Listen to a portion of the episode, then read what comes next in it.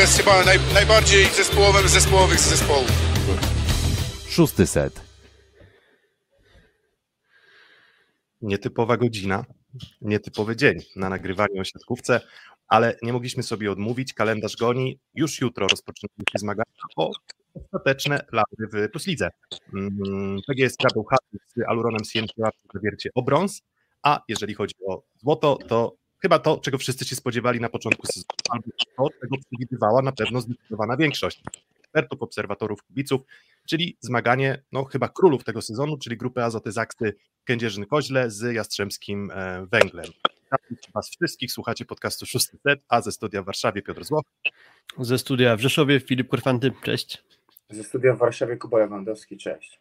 Nie wiemy do końca, jaka będzie dzisiaj frekwencja na naszym live, z tego, z tego prostego względu, że możecie być w rozjazdach, ale na przykład wracając z majóweczki będziecie mogli też nas mm, odsłuchać. E, gdzieś musieliśmy się wkleić, bo te playoffy i zmagania mm, półfinałowe pędziły bardzo szybko, a teraz już pędzić będą też e, zmagania finałowe. Mm, nie macie poczucia, pierwsze pytanie, nie macie poczucia, że trochę za szybko, że te zmagania co trzy dni powodują, że no, praktycznie ile, w, ile czasu upłynęło od początku, mm, od początku playoffów? Niecały miesiąc, tak? Bo chyba 11 kwietnia e, rozpoczęły się ćwierćfinały, a my już rozpoczynamy jutro walkę o e, złoty medal i o medal brązowy. Hmm. Sprawdziłem sobie początek kwietnia, była ostatnia kolejka plus ligi. Mm, jakiś pierwszy weekend kwietnia mniej więcej, także Także no minął w sumie miesiąc i tak jak powiedziałeś, rzeczywiście gramy te playoffy. E, przy tym to trochę tak szybko mija, że ciężko jest się połapać w ogóle, że już były ćwierćfinały, ćwierćfinały za nami, półfinały, teraz półfinały są za nami. Już, już jutro zaczynamy wielkie finałowe granie. Mm, przed chwilą jeszcze starałem się jakoś sobie pokładać to wszystko w głowie, co się do tej pory wydarzyło i przez moment wszystko miałem takie zlane w jedną całość, czyli to tak szybko leci, że czasem ma się ciężko połapać, gdzie my w ogóle jesteśmy w jakim momencie sezonu. Wiecie, bo ja, ja zwracam, zwracam na to uwagę, dlatego że zwróćcie uwagę, o ile inną moglibyśmy poprowadzić narrację, gdybyśmy odnaleźli e, czas na to, żeby nagrywać gdzieś w środku tych zmagań półfinałowych czy też ćwierćfinałowych, a my w zasadzie podsumowujemy je już, już na zakończenie rywalizacji.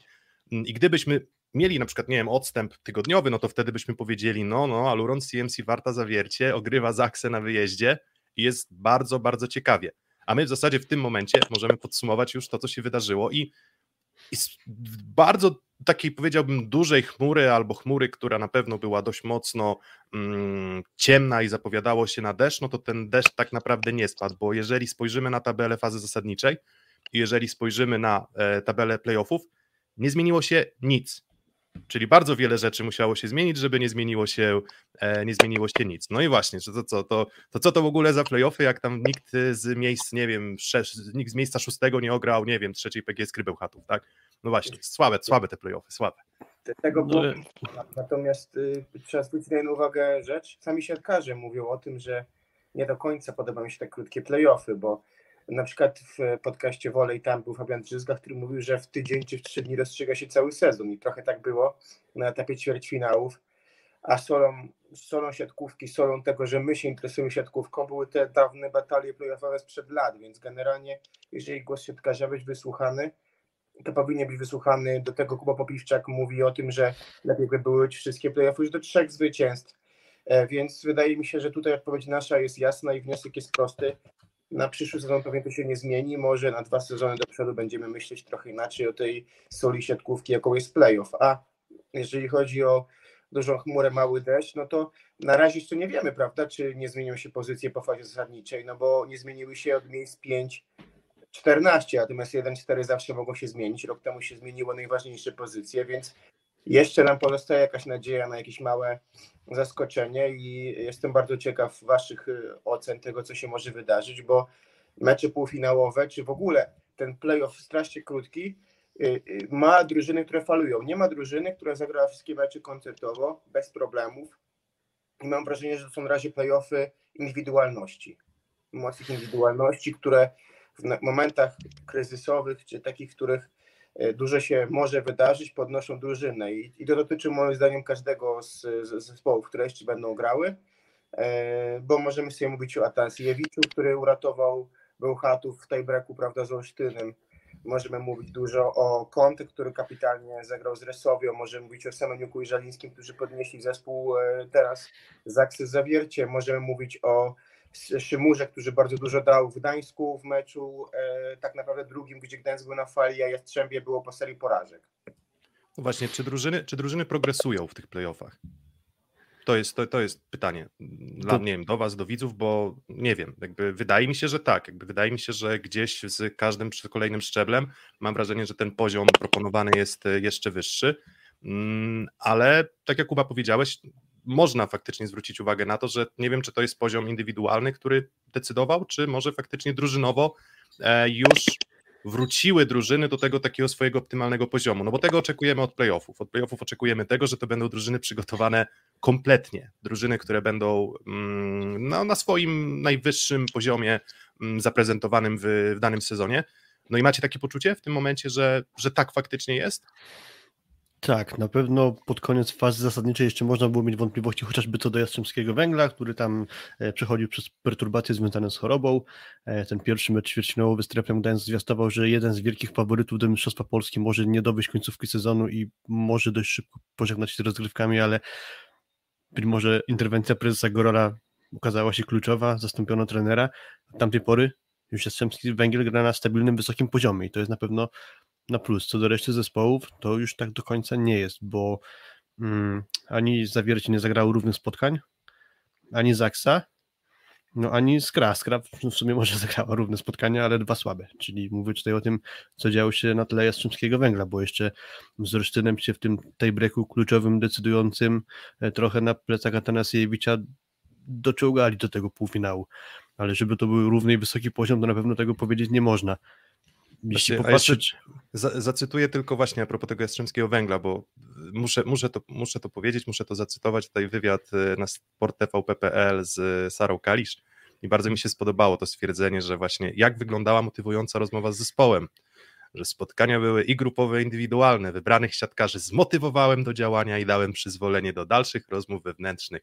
Był to złożony proces, który trwał kilka dni, ale spowodował przełom. Tak trochę nowomową jakoś taką pojechało, prawda? Tak na zasadzie, że się zrobiło, tak? Że zadziałałem i, i działa.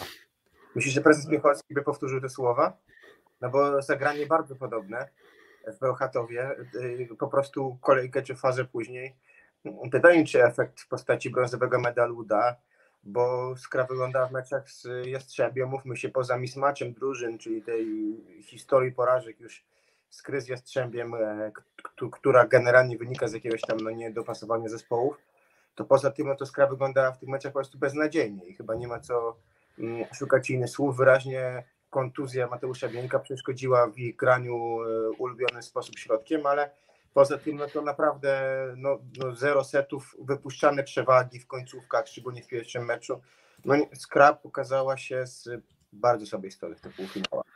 14 z rzędu porażka PGS Kryzja z Trzemskim Węglem. Ostatni raz Bełchatowianie wygrali w 2017 roku, gdzieś na początku, czyli już 5 lat oczekiwania. Drużyny się zmieniają, składy personalne się zmieniają. Być może jeszcze trenera prezes Piechocki za późno zdążył zmienić, może to by coś dało, no ale e, zobaczymy jak będzie przed meczem o trzecie miejsce. Widziałem takie zdjęcie prezesa Konrada Piechockiego z Adamem Gorolem, jak sobie tam podawali rękę, nie wiem czy to było przed meczem czy po meczu, ale być może gdzieś tam jakaś ugoda nastąpiła, prezes Gorol zdradził tajny sekret, co trzeba zrobić, żeby nagle odmienić grę zespołu. Co do tych wypowiedzi prezesa Gorola, dość to enigmatycznie w sumie wszystko tłumaczy, co tam tak naprawdę się działo, ale z drugiej strony może tam padało wiele niecenzuralnych słów, które się nie nadawały do cytowania w prasie, więc po prostu naokoło wybrnął jak tylko się dało, żeby coś powiedzieć, a tak naprawdę nie powiedział nic. Mm, ale działa, ale działa. Ale działa. I i zobaczymy, I zobaczymy, czy działa to, zadziała to w przypadku PG Skrybeł. No i właśnie, zanim przejdziemy do tego omówienia mm, spotkań już tych decydujących, czyli tego, co się może wydarzyć, no to jeszcze może chwilę o tym, co się wydarzyło. No to tak, PG Skrybeł Hatów z Jastrzębskim Węglem, jak już, jak już wspomnieliśmy, mm, dwa mecze przegrane przy PG Skrybeł Hatów 0 do 3 mm, i też mam takie poczucie, że na przykład ten pierwszy, znaczy trochę zapominamy już o tym pierwszym meczu, w którym w sumie było dość równo. I, i tam ta końcówka chyba z meczu jako takiego, gdzie Hadrawa wyjaśnił tam kilkoma zagrywkami w, w samej końcówce um, PGS Kre, już trochę zapominamy o tym, a mam wrażenie, że no, to był, to był ten mecz, w którym Jastrzębski Węgiel mógł faktycznie z PGS Crow Bełchatów przegrać. Mm, w drugim meczu już ja żadnego punktu zaczepienia, jeżeli chodzi o Bełchatów y, i Jastrzębski Węgiel nie widziałem. To była maszyna Jastrzębskiego Węgla i bardzo istotne jest tutaj też odpowiedzenie sobie na pytanie, czy w ogóle z takim Jastrzębskim Węglem PGS Kra mogłaby zagrać, bo wiecie, siatkówka jest sportem, w którym wyjątkowo mocno mm, albo wyjątkowo trudno jest ocenić, czy to jest słabość danej drużyny, czy siła rywala. Zazwyczaj te rzeczy się ze sobą nakładają. No i właśnie, Jastrzębski Węgiel taki mocny, czy PGS Krabełchatów taka słaba w tym drugim meczu?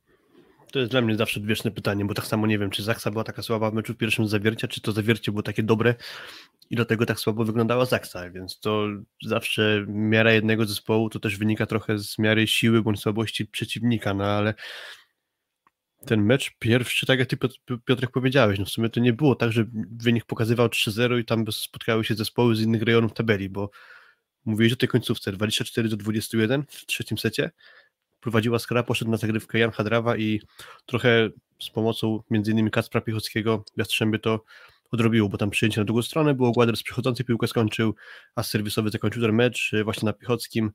Hmm. Wcześniejszy set, Drugi set też był 30 podobny. do 28 chyba wygrany przy Zastrzębie, gdzie Skra miała kilka piłek setowych, przynajmniej dwie, tak pamiętam. Więc jak, zwykle, mogło... jak zwykle angażujemy was w, w, pytania, czy Jastrzębski Węgiel taki mocny, czy PGS Skra Bełchatów taka słaba. No i macie do wyboru opcję Joszczymbie Strong albo Skra Weak. No i zobaczymy, co, co wyjdzie. E, w sumie to ten pierwszy set tylko był taki mega łatwo wygrany przez Jastrzębski Węgiel. Te dwa pozostałe już, już takie nie były, ale drugi, no walec, poezja w wykonaniu Jastrzębskiego Węgla już żadnego podejścia nie miała. E, wchodząc trochę bardziej w detale tego, na pewno dwa słabe mecze Badipura.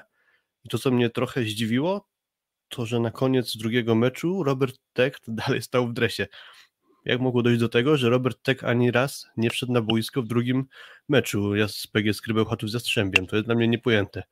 Mm, bo ani nie było tak, że Koi grał jakoś świetnie, ani Badipur. To para przyjmujących przynajmniej jeden z graczy dawał powód do zmiany, a, a do tego nie doszło. Przecież to nie jest tak, że Robert Tek do tej pory wchodził i nie potrafił nic do siebie dodać. Więc trochę mi tej zmiany tu zabrakło. Ciężko mi też, tak powiem szczerze, oceniać bezpośrednio zawodników, w tym znaczeniu, że tak rzeczywiście pierwszy mecz to był mecz, w którym Skra wyglądała jak równy z równym drugi, trzeci set i, i, i tak naprawdę powinno być 2 do 1, tak, po, po trzech setach mm, i pewnie sytuacja byłaby dosyć e, sprawiedliwa. Natomiast e, e, mam wrażenie, że Skra też w pierwszym meczu szczególnie sama się w tych końcówkach pogrążała, bo przecież tam Jastrzębie to nie było też Jastrzębie w końcówkach, które grało kapitalnie, bo sobie przypominam chociażby przychodzącą piłkę, gdzie tam się po zderzył e, Toniutti z Gładyrem, mm, dostał taką piłkę Śmura słabą i zamiast pójść... I jakimś fartem skończył. Tak, to znaczy na swoją stronę to z krają dała się nabić na blok po prostu bardzo lekkim uderzeniem i, i potem to finalnie Szymura skończył, więc... 24, 24, 21 w secie trzecim, no to... No to ciężko, to ciężko, ciężko to przegrać, w sensie już, już, już jest tak, że z trzy punkty przewagi przy 24 e, właśnie 24-21 już naprawdę bardzo trudno jest, e, jest przegrać, a mimo to, mimo to udało się. No i gdzieś tam może odrobinę chwaliliśmy Piechockiego za, za, za, za, za poziom zaprezentowany w ćwierćfinale z Indykpolem AZS-em, ale no to on zawalił trzeciego seta wtedy, tak? To on, on nie, nie poradził sobie, on był ustrzelony chyba e, raz czy dwa, przychodząca piłka, po której zaatakował Głader, mm, więc tak, więc to, to, to, to był, oczywiście Hadrawa serwował bardzo dobrze, ale nie zmienia to faktu, że, że po prostu nie utrzymał przyjęcia w kluczowym momencie, e, w kluczowym momencie Kacper Piechocki, no i znowu wracamy do tej samej dyskusji na zasadzie, co by było, gdyby jednak była tam postać pewnie trochę wyższej próby mm, na pozycji E, na pozycji libero, natomiast z perspektywy całego meczu, no to lewe skrzydło chyba zawiodło PGS Kry, w sensie coś, co wyglądało moim zdaniem całkiem przyzwoicie z, z AZS-em Olsztyn ćwierćfinale, e, nie zagrało dobrze w, z Jastrzębskim Węglem. Um, I znowu, może to jest po prostu dużo lepsza organizacja blokobrona, tak? No bo chyba nie, nie, nie ma co porównywać tak naprawdę jakości w tym aspekcie e, Jastrzębskiego Węgla z Gładyrem, który wrócił i chyba wygląda już bardzo dobrze. Mm, ale sami przyjmujący skry Ebadipur i Koi zawiedli. No i trochę też zatoczyła historię, ko- znaczy historia zatoczyła koło pod tym względem, że przed sezonem mieliśmy obawy o na przykład jakość Koja, Mieliśmy obawy też o jakość Badipura, który te ostatnie sezony nie ma, ostatnich sezonów nie ma na pewno bardzo dobrych. No i właśnie, no i do, doszło do kluczowych momentów i, i po prostu nie, nie, nie podołali i sytuacja, w której Mateusz Bieniek jest z połamanymi żebra, żebrami czy pękniętymi żebrami jest najlepszym zawodnikiem e, drużyny, to bardzo dobrze świadczy o Mateuszu Bieńku, ale chyba nie do końca dobrze świadczy o całej reszcie drużyny. I też Słuchałem... przepraszam, tylko zdanie jeszcze Atasiewicz był kompletnie wyłączony, tak, bo nie pamiętam w którym to było meczu, ale tam zaczęło się od pięciu bloków, no nie wiem, czy czterech, no, albo czterech błędów, no pierwsze pięć akcji dostał pięć pięć nic nie skończył, więc to szybciutko był wyjaśniony i też myślę, że to był, to był szybki plan Jastrzębia na mecz. A Tanasiewicz to w ogóle zagrał taki typowo dla siebie mecz, gdzie różnica między skutecznością a efektywnością ataku to była mniej więcej tak daleka, jak nie wiem, ostatni mecz Stalinysa z terminem ich baraży, także e, no, generalnie duży rozjazd między skutecznością a efektywnością Serba. A Mateusz Bieniek powiedziałeś Piotrego tej kontuzji jego, te pęknięte żebra i pamiętam wywiad pomyczowy z nim, że on powiedział, że on gra, ale tak naprawdę nie trenuje. I to, że on był w zasadzie najjaśniejszym punktem skry, to faktycznie dobrze to wszystko podsumowuje.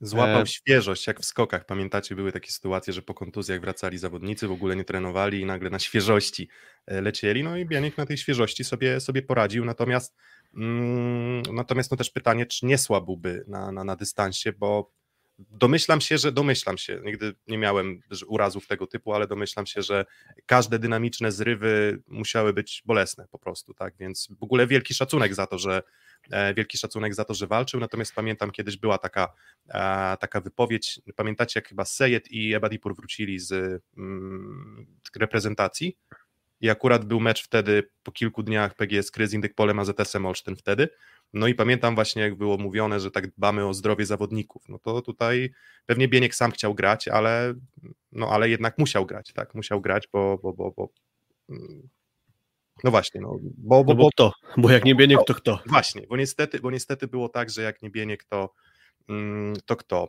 A jak na razie głosy układają się tak, że to jednak Jastrzębie mocniejsze i no i moim zdaniem to było mocne Jastrzębie, tak? Jakbyśmy się zahaczyli o ten Jastrzębski Węgiel, to Hadrawa wrócił, Cały system gry wyglądał już fantastycznie.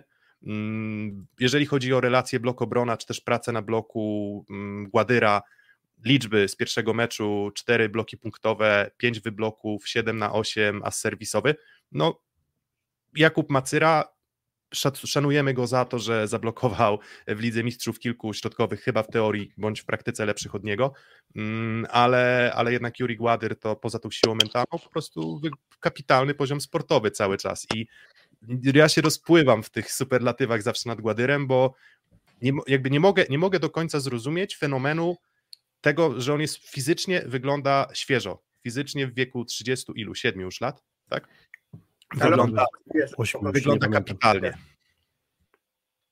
Mhm. Chociaż ten drugi mecz jego ze Skrą już moim zdaniem trochę bez błysku. Jakbym miał wskazać najsłabszą postać Jastrzębia, to chyba właśnie na Gładyra. To znaczy nie chodzi o to, że gra źle, ale jakoś bardzo dużo siebie nie dokładał, jeśli chodzi o takie aspekty związane z odbijaniem piłki, bo on niewątpliwie ma ogromny wpływ na Jastrzębie, jeśli chodzi o siłę mentalną i motywowanie wszystkich dookoła. Już to kiedyś mówiłem, powtórzę tylko, że gdybym grał w zespole z Gładyrem, to na pewno miałbym większy poziom motywacji, aniżeli tego Gładyra gdzieś obok nie było.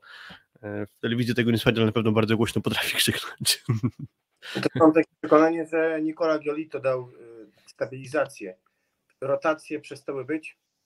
Wrócił na pierwszym, na pozycję atakującego Hadrawa, chociaż ja takie przekonanie miałem wrażenie, kiedy Gardini go zmieniał, no to on był po słabych spotkaniach, tak? To nie było tak, że on grał mm, te mecze chociażby z Gdańskiem na fantastycznej skuteczności, czy wcześniejsze z Zaksą, a, a, i że Błaja dostał szansę z czapy. Trochę miałem wrażenie, że to było uzasadnione, no według prezesa nie do końca. E, i, I gdzieś ta stabilizacja wróciła. Okrzep Szymura, no bo to już nie jest jego pierwszy mecz, drugi z ławki, tylko e, już tych meczy zagrali e, w tym składzie, nie wiem, z 8-9 mm, i już nie jest takim punktem, jak był na początku. Pytanie na ile to Zaksa umiała uprzykrzyć mu granie, a na ile to było tak, że jeszcze w tej nowej konfiguracji, no jednak Szymura nie pograł dużo, no bo umówmy się, od początku sezonu grał Klewno i Szymura nie grał dużo do momentu, kiedy zaczął tak naprawdę grać za Klewno przez jego kontuzję i uraz. Szymura miał wejście momentami jasnie, nie ma co ukrywać, natomiast no, tego grania i pewnie zgrania w tym systemie blokobrona mu brakowało. i mieliśmy takie przekonanie, że były momenty, kiedy mniej było widać brak Gładyra niż Klewno, czyli że Macyra jakby lepiej się komponowywał e, w formację niż w niektórych meczach Szymura, ale to już jest za nami. Szymura zagrał kapitalnie z Gdańskiem, mecz 2 i 3. Zagrał bardzo dobrze pierwszy mecz w, w Jastrzębiu. No i w drugim, no tak naprawdę, czyli to był formal show, drugi mecz, tak, ale Szymura też grał swoje bardzo powtarzalnie. I teraz miałem przed w ogóle programem takie, takie zastanowienie się, że no co, pokażemy te wyniki z Aksy, z Jastrzębia do tej pory, gdybyśmy mieli pokazywać. Sześć spotkań, pięć wygranych przez Zaksę, 4 do 0, ale czy to by cokolwiek oddawało? No nie, to by niczego nie oddawało, mówmy się tak naprawdę, albo niewiele na tym etapie, no bo kiedy się spotykali w tym trójmeczu, gdzie my byliśmy na jednym ze spotkań, no to Jastrzębie był zupełnie innym zespołem. I mam wrażenie, że przed nami zupełnie rywalizacja, e, gdzie no Jastrzębie, no takiego Jastrzębia jeszcze z Aksą chyba nie widzieliśmy, może w Superpucharze, jeżeli chodzi o, o poziom gry. To damy, damy zadecydować e, ludziom na czacie, czy najpierw chcecie omówić e, mecz o brąz, czy najpierw o złoto. Bo tutaj dajcie znać, bo sam jestem, sam jestem ciekaw. Ja nie wiem, ja nie, nie, nie mam jakiegoś idealnego pomysłu na to, mm, więc sam jestem ciekaw, czy, czy, czy, czy już od razu z grubej rury uderzamy, czy może najpierw idziemy od, e, od e, brązu. Mm, no ale drugi i Smith oszukują czas. No to właśnie o Gładerze było, to może o zespole Smitha teraz trochę. No właśnie, zespół Smith, Smitha, Smitha, jakby to niektórzy tak po polsku próbowali, e, próbowali mm, go, nie wiem, z, spolszczyć jego nazwisko. Miało, znaczy był, pierwszy wynik Zaksy z e, Aluronem CMC Wartów Zawiercie był szokujący. W sensie pierwszy mecz, rezultat... Przebieg tego meczu. Rezo, rezultat, przebieg tego meczu szokujące, szokujące. I mm, no i tam ktoś się, śmieje się, bo tam zadałem pytanie, czy to jest jakiś widoczny trend, czy anomalia na Twitterze. Um, no i wszyscy zastanawialiśmy się po tym pierwszym meczu, czy po prostu to jest jakiś słabszy dzień Zaksy, czy to jest, y, nie wiem, jakiś potencjał na sprawienie niespodzianki Aloronu CMC e, warty zawiercie. No i cóż, spotkały się chyba wtedy, faktycznie, jak mamy dyskusję na temat Jastrzębskiego Węgla i PGS Kry, no to wtedy spotkały się akurat w tym meczu nie wiem, dobre zawiercie, albo może bardzo dobre zawiercie nawet, e, z wsparciem Conte, ze wsparciem Urosza, z solidnym Konarskim i bardzo dobrze zorganizowane w obronie, spotkało się po prostu z Zaksą, która tej obrony e, sforsować e, no, z jakiegoś powodu nie mogła, tak? I, i ja, ja ten mecz z perspektywy czasu możemy się mądrzyć, że właśnie tak to wyglądało i tam, o, to oczywiste było, że tam Zaksa odrobi, ale to nie było takie oczywiste, bo ten mecz naprawdę dał duży znak zapytania co do przebiegu dalszej rywalizacji. Ja miałem jedną wątpliwość w zasadzie, czy to, co prezentowała Zaksa w tym pierwszym meczu, to czy to się przypadkiem nie zburzyło na ich jakieś, nie wiem, słabsze, słabszą dyspozycję fizyczną pod koniec sezonu, czyli granie wąskim składem i granie dużo. Czy przypadkiem nie mamy trochę powtórki z rozrywki, powtórki z ubiegłego sezonu, gdzie Zaksa fizycznie chyba trochę nie dojechała na mecze z Jastrzębym w finale. Zastanawiałem się, czy przypadkiem to nie jest przyczyną tego właśnie, co widzieliśmy w tym meczu. I to była moja jedyna wątpliwość. Jeżeli Zaksa by fizycznie się nie odbudowała... Ciężka siłownia. no tak, zawsze tak można sobie wytłumaczyć. Jak ktoś nie wie, co powiedzieć, to ciężka siłownia na pewno wjechała. E, nie, poszukałem jeszcze innych przyczyn na pewno. No ale okej, okay, zaczęło się drugie spotkanie, było kolejne, no nie, jednak to nie chodzi o to, że Zaksa jest słaba fizycznie, bo tego już potem nie było widać. Co takiego mogło się wydarzyć, że zawiercie aż tak gładko mogło wtedy z Zaksą rywalizować. Zacząłem się zastanawiać, czy przypadkiem nie poszukać e, przyczyny w tym, nawiązując do poprzedniej roz, transmisji, mówiliśmy o Macieju Muzaju, Wasekoresowi i że on grał słabo na tle zawiercia i wpadł do nas Oskar Kaczmarczyk i napisał komentarz, dajcie spokój temu Muzajowi, my się do niego bardzo długo przygotowywaliśmy, żeby go wyłączyć z gry.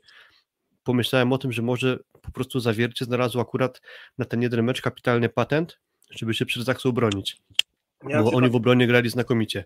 Do tego fajnie też grali w ataku, bardzo dobrze grał Tawaresz i to zadziałało, tylko że to też nie jest tak, że jak zawiercie na jeden mecz znalazło patent, to Zaksa nie będzie potrafiła pozmieniać swojej gry. mi się wydaje, że też odpowiedzieli taktycznie e, kędzierzynianie, no już wtedy zawiercie nie dało rady się przeciwstawić i wtedy już e, no, górę wzięła tutaj e, Zaksa. Ten jeden mecz to moim zdaniem właśnie kapitalne przygotowanie taktyczne zawiercia. No Filip, wyjaś mi to z ust, bo naprawdę chciałem do końca opowiedzieć, bo generalnie nawet zwróćcie uwagę na kompilację, jak widać był jak atakował kątę w pierwszym meczu przez Janusza i Hubera, to jest bardzo trudny blok. On jechał po paluchach maksymalnie, tak żeby nikt, nie wiem czy celował kiedykolwiek pomarańczowe, to zawsze miało być mm, po rękach czy do boku, czy przed siebie, czy pod górę. I y, bardzo utrudnili w pierwszym meczu y, zawiercianie swoim graniem na, na wysokiej piłce blok obrona y, Zaksie i to było wielkie osiągnięcie, mam wrażenie i mam wrażenie, że ten mecz absolutnie wygrało Zawiercie, jak powiedziałeś, taktyką. I mam wrażenie, że nawet już w wywiadach pomeczowych zawodnicy Zaksie mieli takie przekonanie, że trochę plan na meczu nie wyszedł i zupełnie innym sposobem wyszli na drugi mecz, to było zupełnie już inne granie, inaczej układanie rąk, w innym miejscu stali, byli dużo bardziej skoncentrowani, dużo mniej chcieli też moim zdaniem właśnie trafić pomarańczowe, tylko bardziej też szukali sposobu i zupełnie inaczej zagrali drugi mecz, gdzie zagrał kapitalnie Janusz w drugim meczu. Zasłużony MVP, tam kapitalna skuteczność środkowych, mm, właściwie każdy z przyjmujących też zagrał dobrze, nie było meczu, nie było jakby słabego elementu, stąd taka wygrana, ale chcę powiedzieć jeszcze, że mam wrażenie, że pierwszy mecz pomógł wygrać trzeci mecz Zaksie, bo Kretu wtedy widząc za późno zdjął Kaczmarka absolutnie, ale wszedł Klut, mało grający w tym sezonie i zagrał super. No jakby moim zdaniem nie zmieni tego bloku w ostatniej akcji na nim kontę, e, bo on po prostu dał nadzieję. W tym meczu dał konkretną nadzieję e, Zaksie jeszcze na wrócenie do meczu. I mam wrażenie, że to dało też Kretu paliwo, żeby dać szansę Żanińskiemu w trzecim meczu, kiedy ewidentnie Śliwka był, e, no, no, no był poza meczem, no a Żaliński wiemy, co zrobił. Mm, gdybyśmy mieli tak szukać jednej postaci, no to chyba monster Kamil Semeniuk.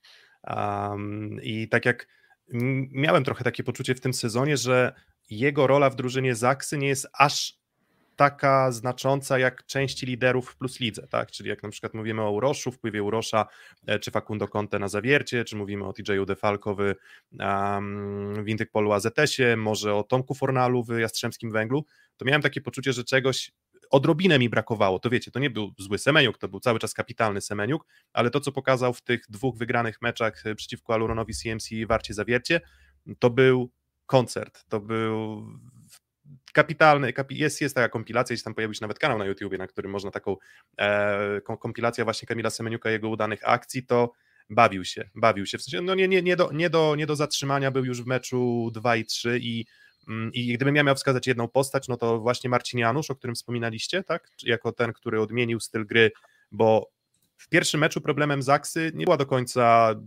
nie wiem, blok obrona, no bo tam tych bloków mnóstwo Zaksa złapała e, cały czas.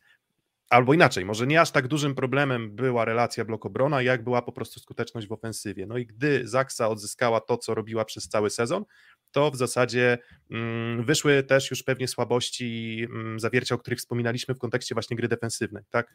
Że Zaksa naładowana, Zaksa przygotowana, Zaksa z pomysłem na grę po prostu mm, nie dała szansy zawierciu powalczyć właśnie w relacji blok-obrona i tutaj, tutaj różnica była przeogromna. Na pewno. Ten drugi mecz jeszcze był taki, że w sumie zawiercie może dłużej mnie brakowało, żeby jakiś piłek parę jeszcze obronić, że gdzieś powiedzmy po rękach te piłki uciekały gdzieś poza pole gry, tak w skrócie to nazywając, ale ten trzeci mecz to no już raczej spokojnie Zaksa w ofensywie dawało radę, poza tym, że okay, chwalimy Kamila Semeniuka, moim zdaniem coś niedobrego się dzieje ostatnio z Aleksandrem Śliwką, i między innymi też stąd y, trzeba było ratować y, mecz w zasadzie puszczenie Wojciecha Żalińskiego. Na pewno, tak jak też już padło, brawa dla trenera Kretu, bo ja byłem osobiście zdziwiony, że już w pierwszym secie przystanie 12 do 5 dla zawiercia, na boisku melduje się Krzysztof Rejno za Davida Smitha czy tam raptem 17 akcji. Fakt, że no, zawiercie ogromną przewagę w tym pierwszym secie miało, no ale taka szybka reakcja to nie do końca jest y, charakterystyka trenera Kretu. Drugi set, początek, chyba jakieś, nie wiem, 4-2 dla, mm, dla zawiercia. Tak naprawdę Śliwka tam nic nie zepsuł. Jak sobie teraz odtworzyłem przebieg tego seta, nie, no, zablokowany... Ploty, wiesz, dwa ploty źle przyjął chyba z Liszczoła albo Niemca. Okej, okay, tam mogło chodzić o przyjęcie, bo jeśli chodzi o takie sprawy w ataku, czy tam jakieś krzywe odbicie piłki, to takiego czegoś akurat na dystansie tego seta drugiego jeszcze wtedy nie było, no ale przed Wojciech Żeliński, no i w zasadzie to chyba odmienił przebieg tego spotkania, bo ciężko sobie wyobrazić, że Zaksa by tego drugiego seta przegrała, no i by byli w stanie jeszcze odrobić. Być może tak, ale na pewno byłoby to dużo cięższe, więc y, potem jeszcze po meczu rozgorzała dyskusja, że tam Kamil Semeniuk to nie był MVP tego meczu, że MVP trzeba dać Wojciechowi Żalińskiemu. Moje zdanie jest takie, że Wojciech Żaliński był MVP drugiego seta, ale meczu dla mnie bezdyskusyjnie nie mam tu żadnych wątpliwości, że to był Kamil Semeniuk.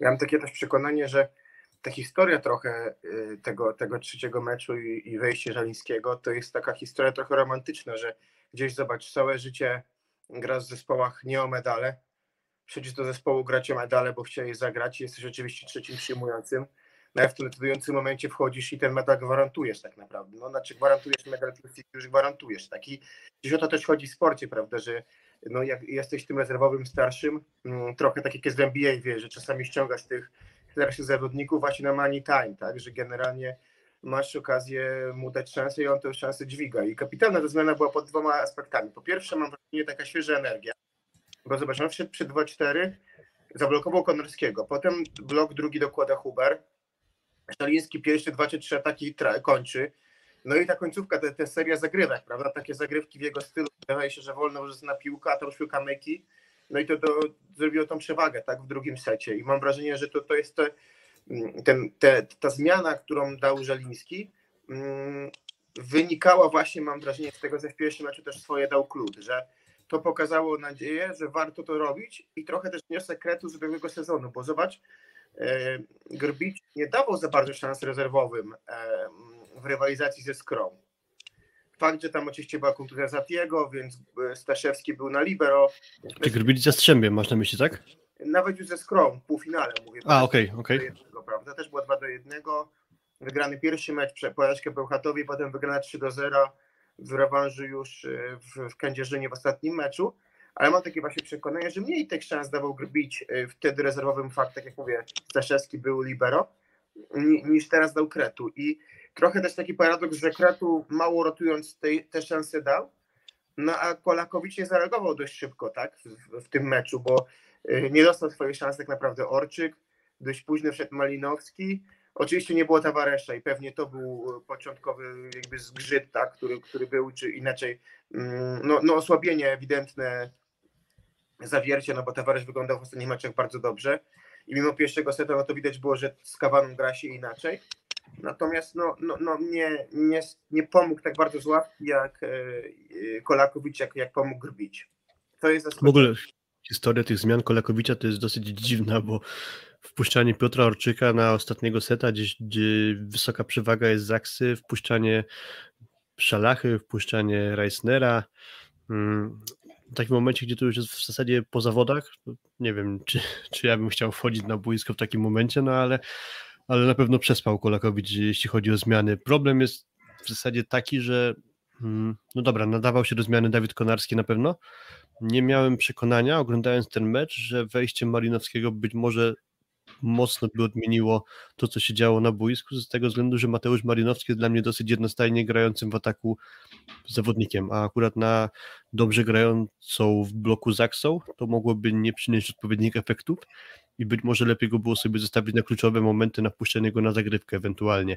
Z Conte z kolei mam taki problem, że no dobra, Kowacewicz nie nadawał do zmiany bez dwóch zdań. Kowacewicz swoje myślę, że robił, ale co do Conte, to nie było tak, że on grał tylko źle, albo dawał od początku do końca takie ewidentne powody do tego, żeby go zmienić. On grał tak na granicy, powiedzmy, zmiany, bym powiedział. Więc akurat niewpuszczenie Orczyka dosyć się broniło i zostawiłbym jednak kątę na boisku. E, wyszło, wyszło źle, wyszło niedobrze, jeśli chodzi o Kolakowicza i pewnie rezerwowi mogli być trochę wkurzeni po tym spotkaniu, że na przykład taki właśnie Piotr Gorczyk nie dostał szansy. Przy czym mówię, no moim zdaniem te zmiany by tu niewiele dały, ale 100% gwarancji nie będziemy mieli. I nigdy, mówię, nigdy też się już tego nie dowiemy.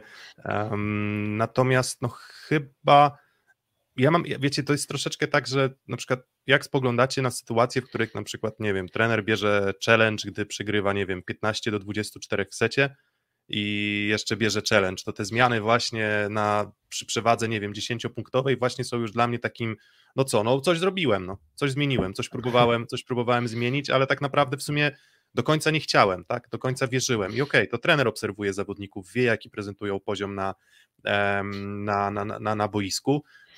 z jakiegoś Ale- powodu wybrał, że podjął taką, a nie inną decyzję, co nie zmienia faktu, że my tę decyzję możemy przeanalizować i możemy ocenić i, i, i dla mnie te zmiany po prostu były takim, wiecie, listkiem figowym, tak, na zasadzie, no już tam przegrywamy, no dobra, no to tam powpuszczamy, powpuszczamy gości, którzy, nie wiem, no, wie, myśl, wiara w myślenie magiczne trochę, tak, bo, bo, bo dużo, jakby tutaj właśnie jest pytanie, o właśnie, czy waszym zdaniem wymiana Śliwka Żeliński lepiej rokowała niż Konar Malina? Nie wiem, czy lepiej rokowała, ale Kretu wymienił dwa elementy, które trochę mu nie funkcjonowały, a nie wymienił tych elementów na pewnym etapie pięciu czy sześciu przy jakimś, no naprawdę już zupełnym, zupełnym rozkładzie. No i dało, dał gry. sobie szansę, że to może zagrać i jeszcze wynik nie był taki, że nie do odwrócenia. I można było tak zrobić, że dobra, wchodzi Żeliński, pięć piłek dostał, nie skończył żadnej, to wracamy z powrotem do śliwki, próbujemy tym śliwką.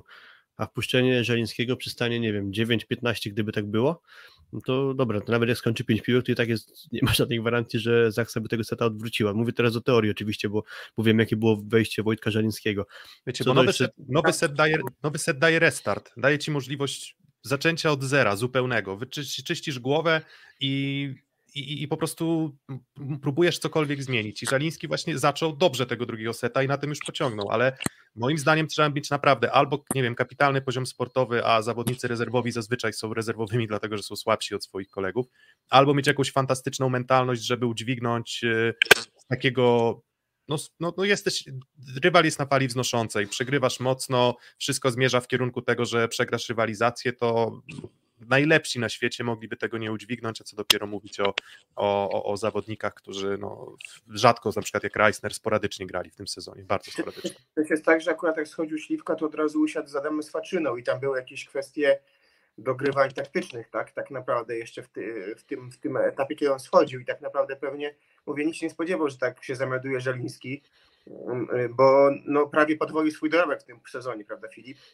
Mm, Tak, właśnie jak zaczął tak, zaczęło mu tak żreć w tym drugim secie, to ja sprawdziłem sobie ile wcześniej punktów plus zdobył Wojciech Żeliński w tym sezonie i, i gdzieś gdyby tę skuteczność z drugiego seta punktowania za, zatrzymał, przedłużył, to byłoby blisko, żeby podwoił właśnie swój dorobek punktowy. No ale mówiłem przedtem o tym, że dla mnie Żeliński był MVP drugiego seta, a na pewno nie meczu. No to po tym drugim secie e, Żeliński zdobył, już wam mówię, 6 punktów, a Semeniuk 13.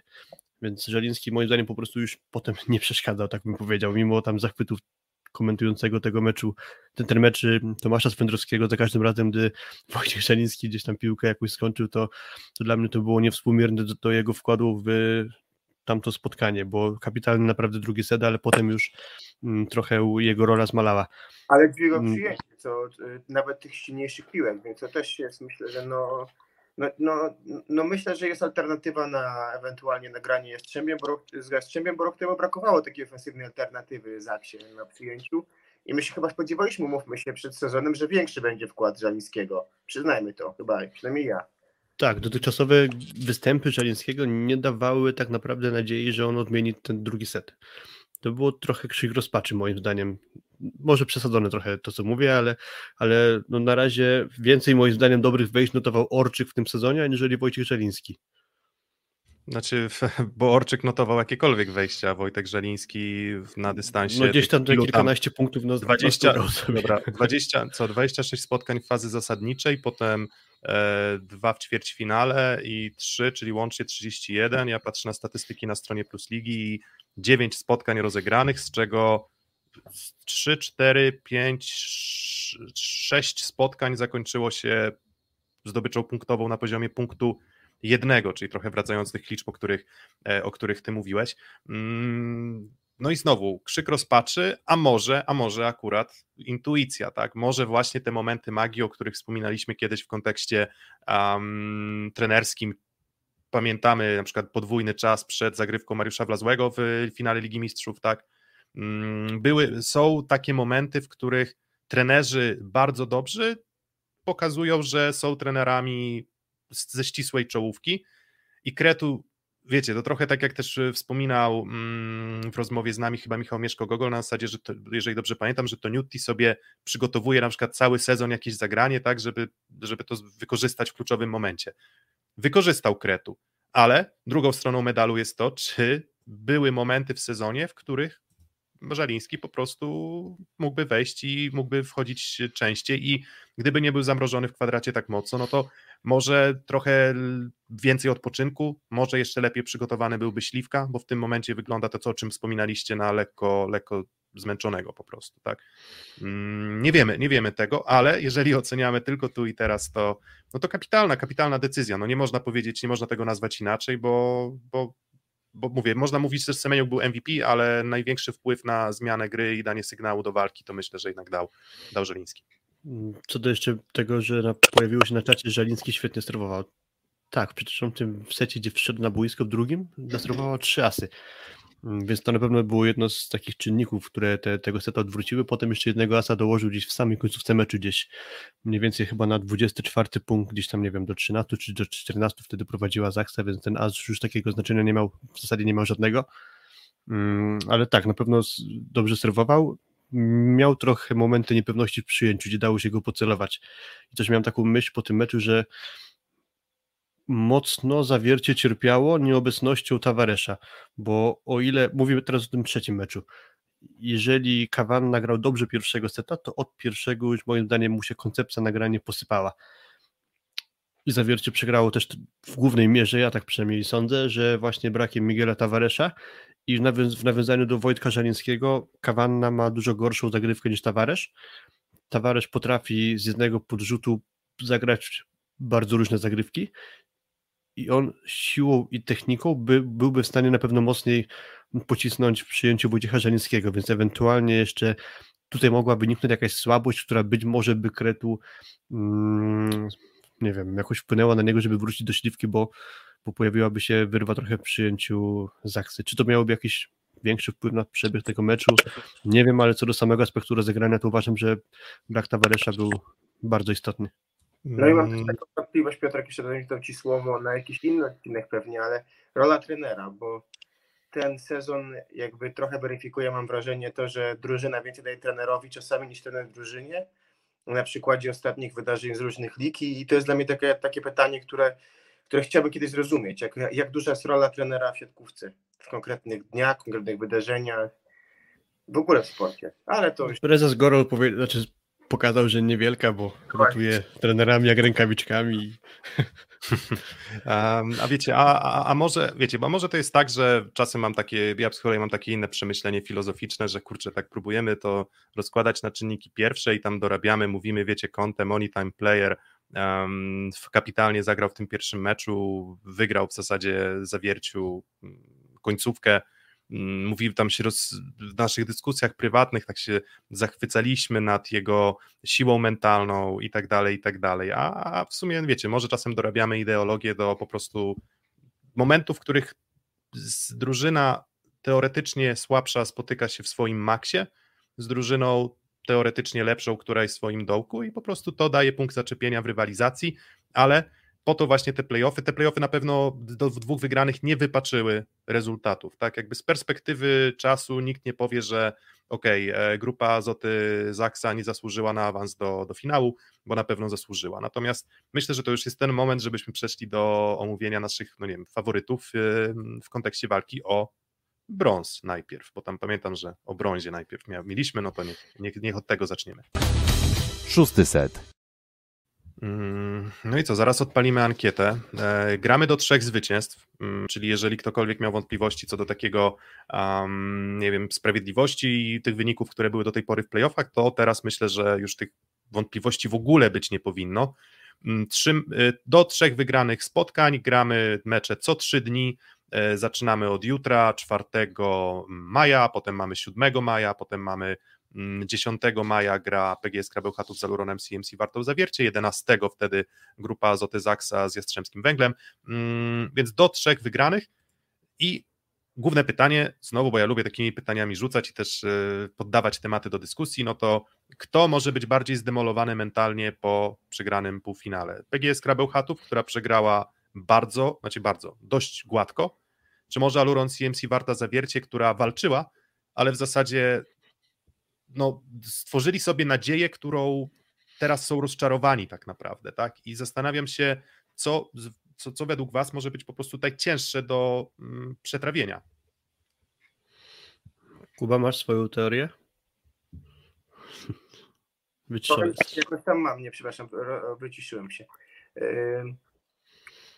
Mam teorię, że y, zawiercie było bliżej, to jest raz. Dwa, myślę, że miało i czuło nawet po drugim meczu, że jakiś tam punkt zaczepienia jest. Potem ją straciło, bo albo w jakiejś mierze, bo odpadł główny rozgrywający. Pierwszy set ją przywrócił i, i, i ten mecz tak naprawdę no, no, mógł się raczej potoczyć. Może gdyby został śliwka, no wiadomo. Z drugiej strony, gdyby babcia miała wąsy, byłaby dziadkiem, ale mm, szanse mieli. Natomiast z kranu została zdemolowana w rewanżu. W się wydarzyły rotacje personalne.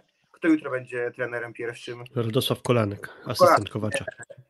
Nie ten e, serbski. E, nie, nie, obaj Serbowie ze Sloboda, Slobodanem Kowaczem już się pożegnali z Bełchatowem. Rozumiem. No to yy, takie ratowanie w takim momencie, no nie wiem, z drugiej strony, nie wiem, pamiętamy mecze z fazy zasadniczej, bardzo wyrównane i no ja uważam, że zawiercie jest faworytem, natomiast wiem, że Piotrek ma trochę inne zdanie, w sensie, że to może być rywalizacja nawet dłuższa niż finałowa. Nie, no bo mm, hmm, patrzę na fazę zasadniczą, tak, jakby spoglądam na pewien wzorzec, jaki widzieliśmy. Widzieliśmy dwa bardzo równe mecze i to też jest oczywiście, to jest jakieś tam jakaś forma wróżenia z fusów, ale widzieliśmy dwa mecze bardzo równe, gdzie tam było tak 3 do 2, 2 do 3. Widzieliśmy, PGS Krabełchatów ma myślę też takie atuty, które może odrobinę zawierciu nie będą leżeć, może taka bardzo mocna agresja na zagrywce mm, będzie w stanie Aluron CMC Warte po prostu rozłożyć, tak, rozłożyć na, na łopatki. Natomiast no, wątpliwości mam następujące, tak. Pierwsza sprawa, no to tak, brak Tavaresa. No, myślę, że z Maxim Kawaną w zawierciu może być trudno, bo to, to znaczy to, to, nie jest ten, to nie jest ta klasa sportowa jak Miguel Tavares, po prostu. Tak, myślę, że Tavares też pokazał e, w tych playoffach, mm, że ktoś może powiedzieć, że to było takie granie lewe, prawe, lewe, prawe, ale skuteczne, efektywne granie lewe-prawe z wykorzystaniem środka w odpowiednich momentach też się bardzo chwali i po prostu Tawaresza, jeżeli nie będzie Tawaresza, to moim zdaniem jeszcze ta, to, to, to, ta wajcha, to wahadełko trochę się przechyla w stronę może nawet i PGS Krybełchatów, a na pewno równej rywalizacji, tak? Być może w takich pełnych wyjściowych składach powiedziałbym, nie no, więcej jakości ma pewnie zawiercie, tak? Bo, bo, bo ma Urosza, bo ma Conte, bo ma właśnie Tawaresza, mm, bo ma Konarskiego, który, który, który wyglądał mm, lepiej. Ogarniętego żurka lepiej, na przykład. Ogarniętego żurka. Ale myślę, że też mentalnie, w sensie mam wrażenie, że ludzie trochę patrzą na, to, na tą rywalizację, że PGS Krabełchatów raczej, nie, raczej nie, nie zdobędzie brązowego medalu, albo Bieniek, albo wymiana Kowacza i tak dalej, i tak dalej. Ale mm, nie sądzę, żeby to było takie proste. Też mi się tak nie wydaje. Tak w ogóle jeszcze co do tej rywalizacji o brąz i o finały, to mam wrażenie, że mamy teraz tym razem świetne wyrównane pary, czyli spotkały się ze sobą które, zespoły, które mają podobne atuty, bo i Jastrzębie i Zaksa to są dla mnie zespoły o podobnej charakterystyce i, PEG, i na pewno Zawiercie ma zbliżoną bardziej charakterystykę, mi się wydaje, że do Skry niż do Zaksy czy Jastrzębia, czy nawet trochę bardziej zbliżone klasą jest po prostu do Skry niż do y, Jastrzębia i Zaksy. Na pewno różnica kluczowa jest taka, to pewnie pokażemy potem w liczbach, to co zawsze jest e, wypuklone w skrze, czyli udział gry mm, środkowych, e, czyli na pewno tam będzie więcej grania środkiem e, skry niż zawierczy, to jest taka główna chyba różnica między tymi ekipami. Wydaje mi się, że to będzie bardzo wyrównane granie.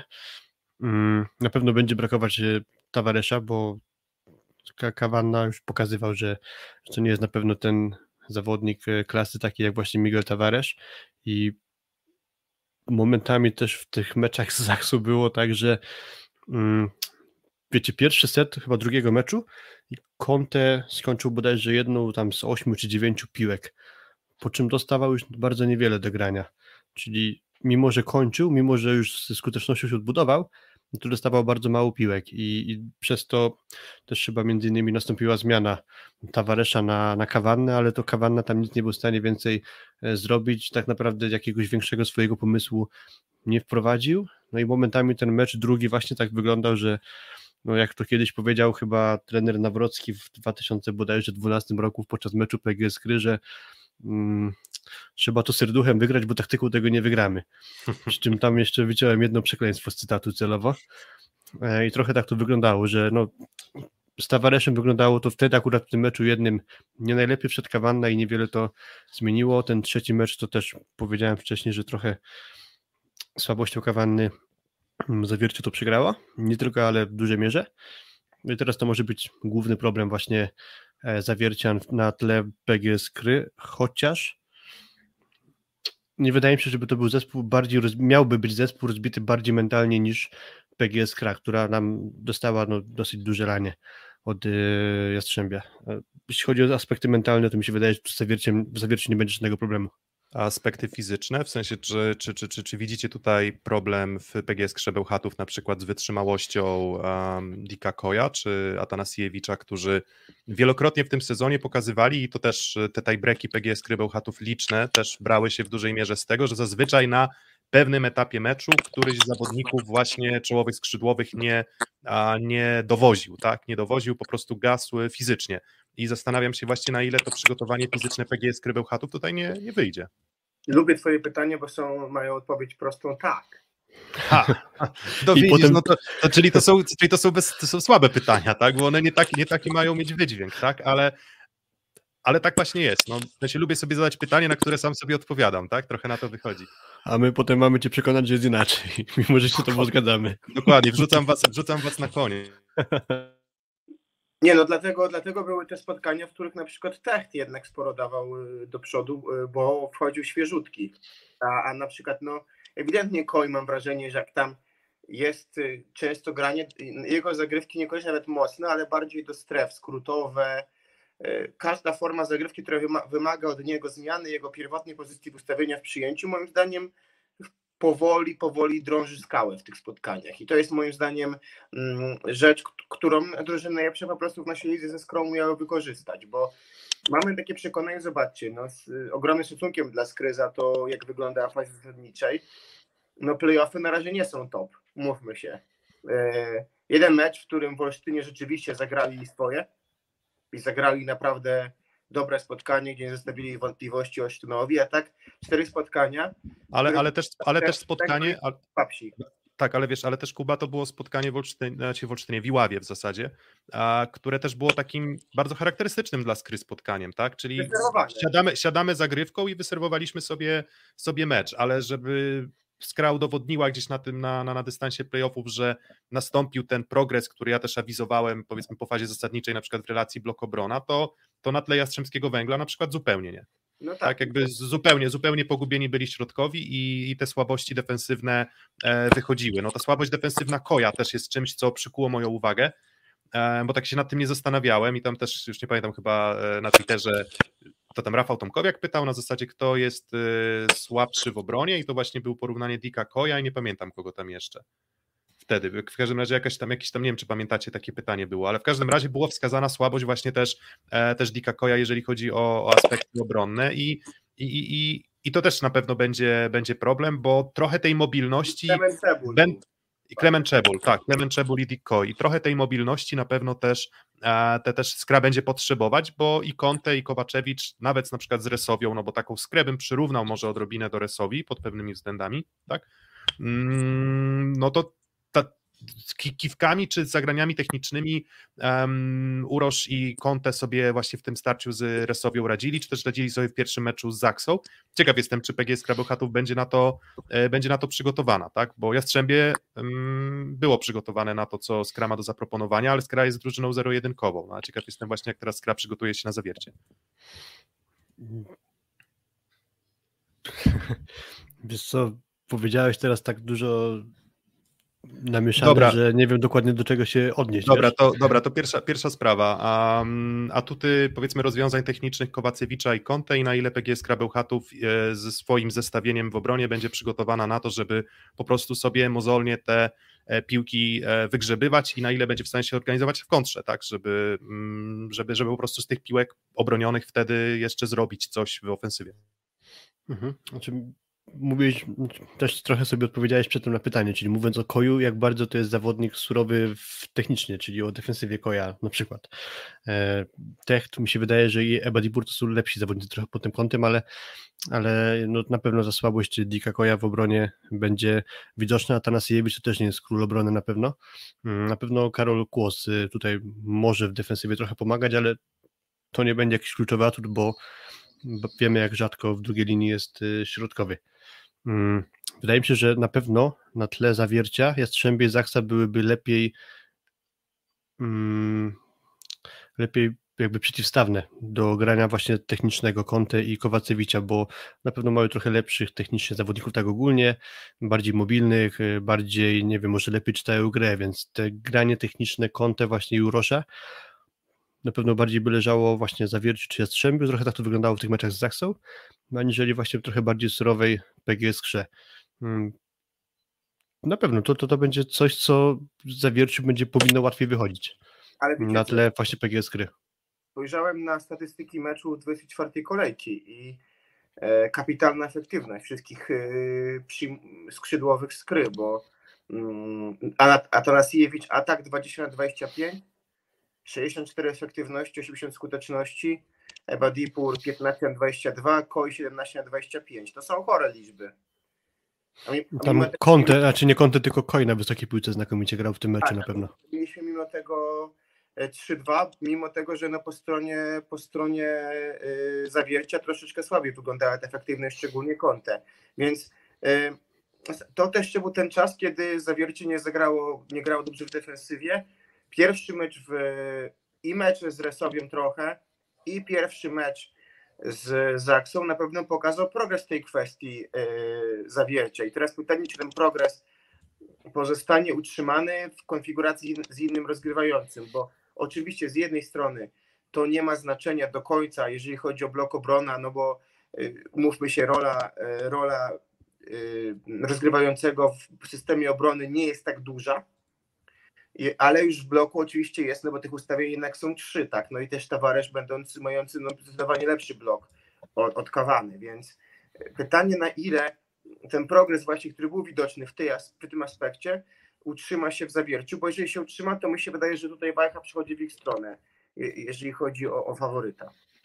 Mm, podaj, Pokazuje dobrze widać grafice. Tak? Dobra, Piotrek, możesz kontynuować. Tak, że właśnie, tak, nie, no właśnie, że pokazuje tę grafikę, która no, teoretycznie wskazywałaby jednak jakiś tam atut PGS Krybełchatów, przy czym z tą defensywą jest tak, że myślę, że jednak to jest bardziej przełożenie też skry, która bardzo potrafi odrzucić od siatki rywala i dzięki temu jest w stanie, e, jest w stanie to generować, niż na przykład, nie wiem, po relacji gry blok obrona Zaksy czy Jastrzębia, gdzie niezależnie od tego, czy ta zagrywka idzie na pełną siłę, czy nie, no to cały czas jest nadzieja na to, że, e, że będą w stanie to w miarę efektywnie um, ograniczać. Poza tym meczem wyserwowanym z Inkpolem AZS-em, no bo to też PGS jakby mecze bardziej, więcej mi mówią przed tym starciem o brąz mecze Zawiercia z Rysowią i z Kryzolsztynem, niż te mecze półfinałowe. W sensie uważam, że to są drużyny bardziej zbliżone do siebie, mimo wszystko, to co tam Filip powiedziałeś i mhm co, co, nam pokazały te mecze? No to pokazały, że w dwóch meczach Indyk Pola ZS Olsztyn, gdzie wydawałoby się, że też dość kruchy, dość wrażliwy,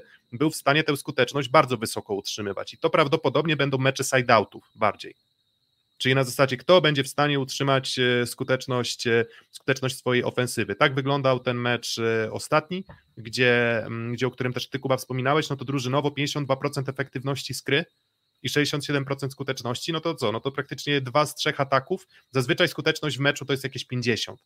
No to takie 67% skuteczności i tak wysoka efektywność, a po stronie zawiercia 56 i 40 efektywności to są wyniki bardzo wysokie. I, tak, i, raczej, I raczej spodziewam się właśnie takiej charakterystyki, charakterystyki spotkań i też trochę rozchwianych setów, bo nie wiem, czy pamiętacie, był też ten mecz e, w Zawierciu, gdzie Skra wygrała do parunastu, jeżeli dobrze pamiętam, żeby, żeby, żebym się nie, żebym się, żebym się nie pomylił, tak? Zaraz, e, zaraz znajdziemy ten mecz.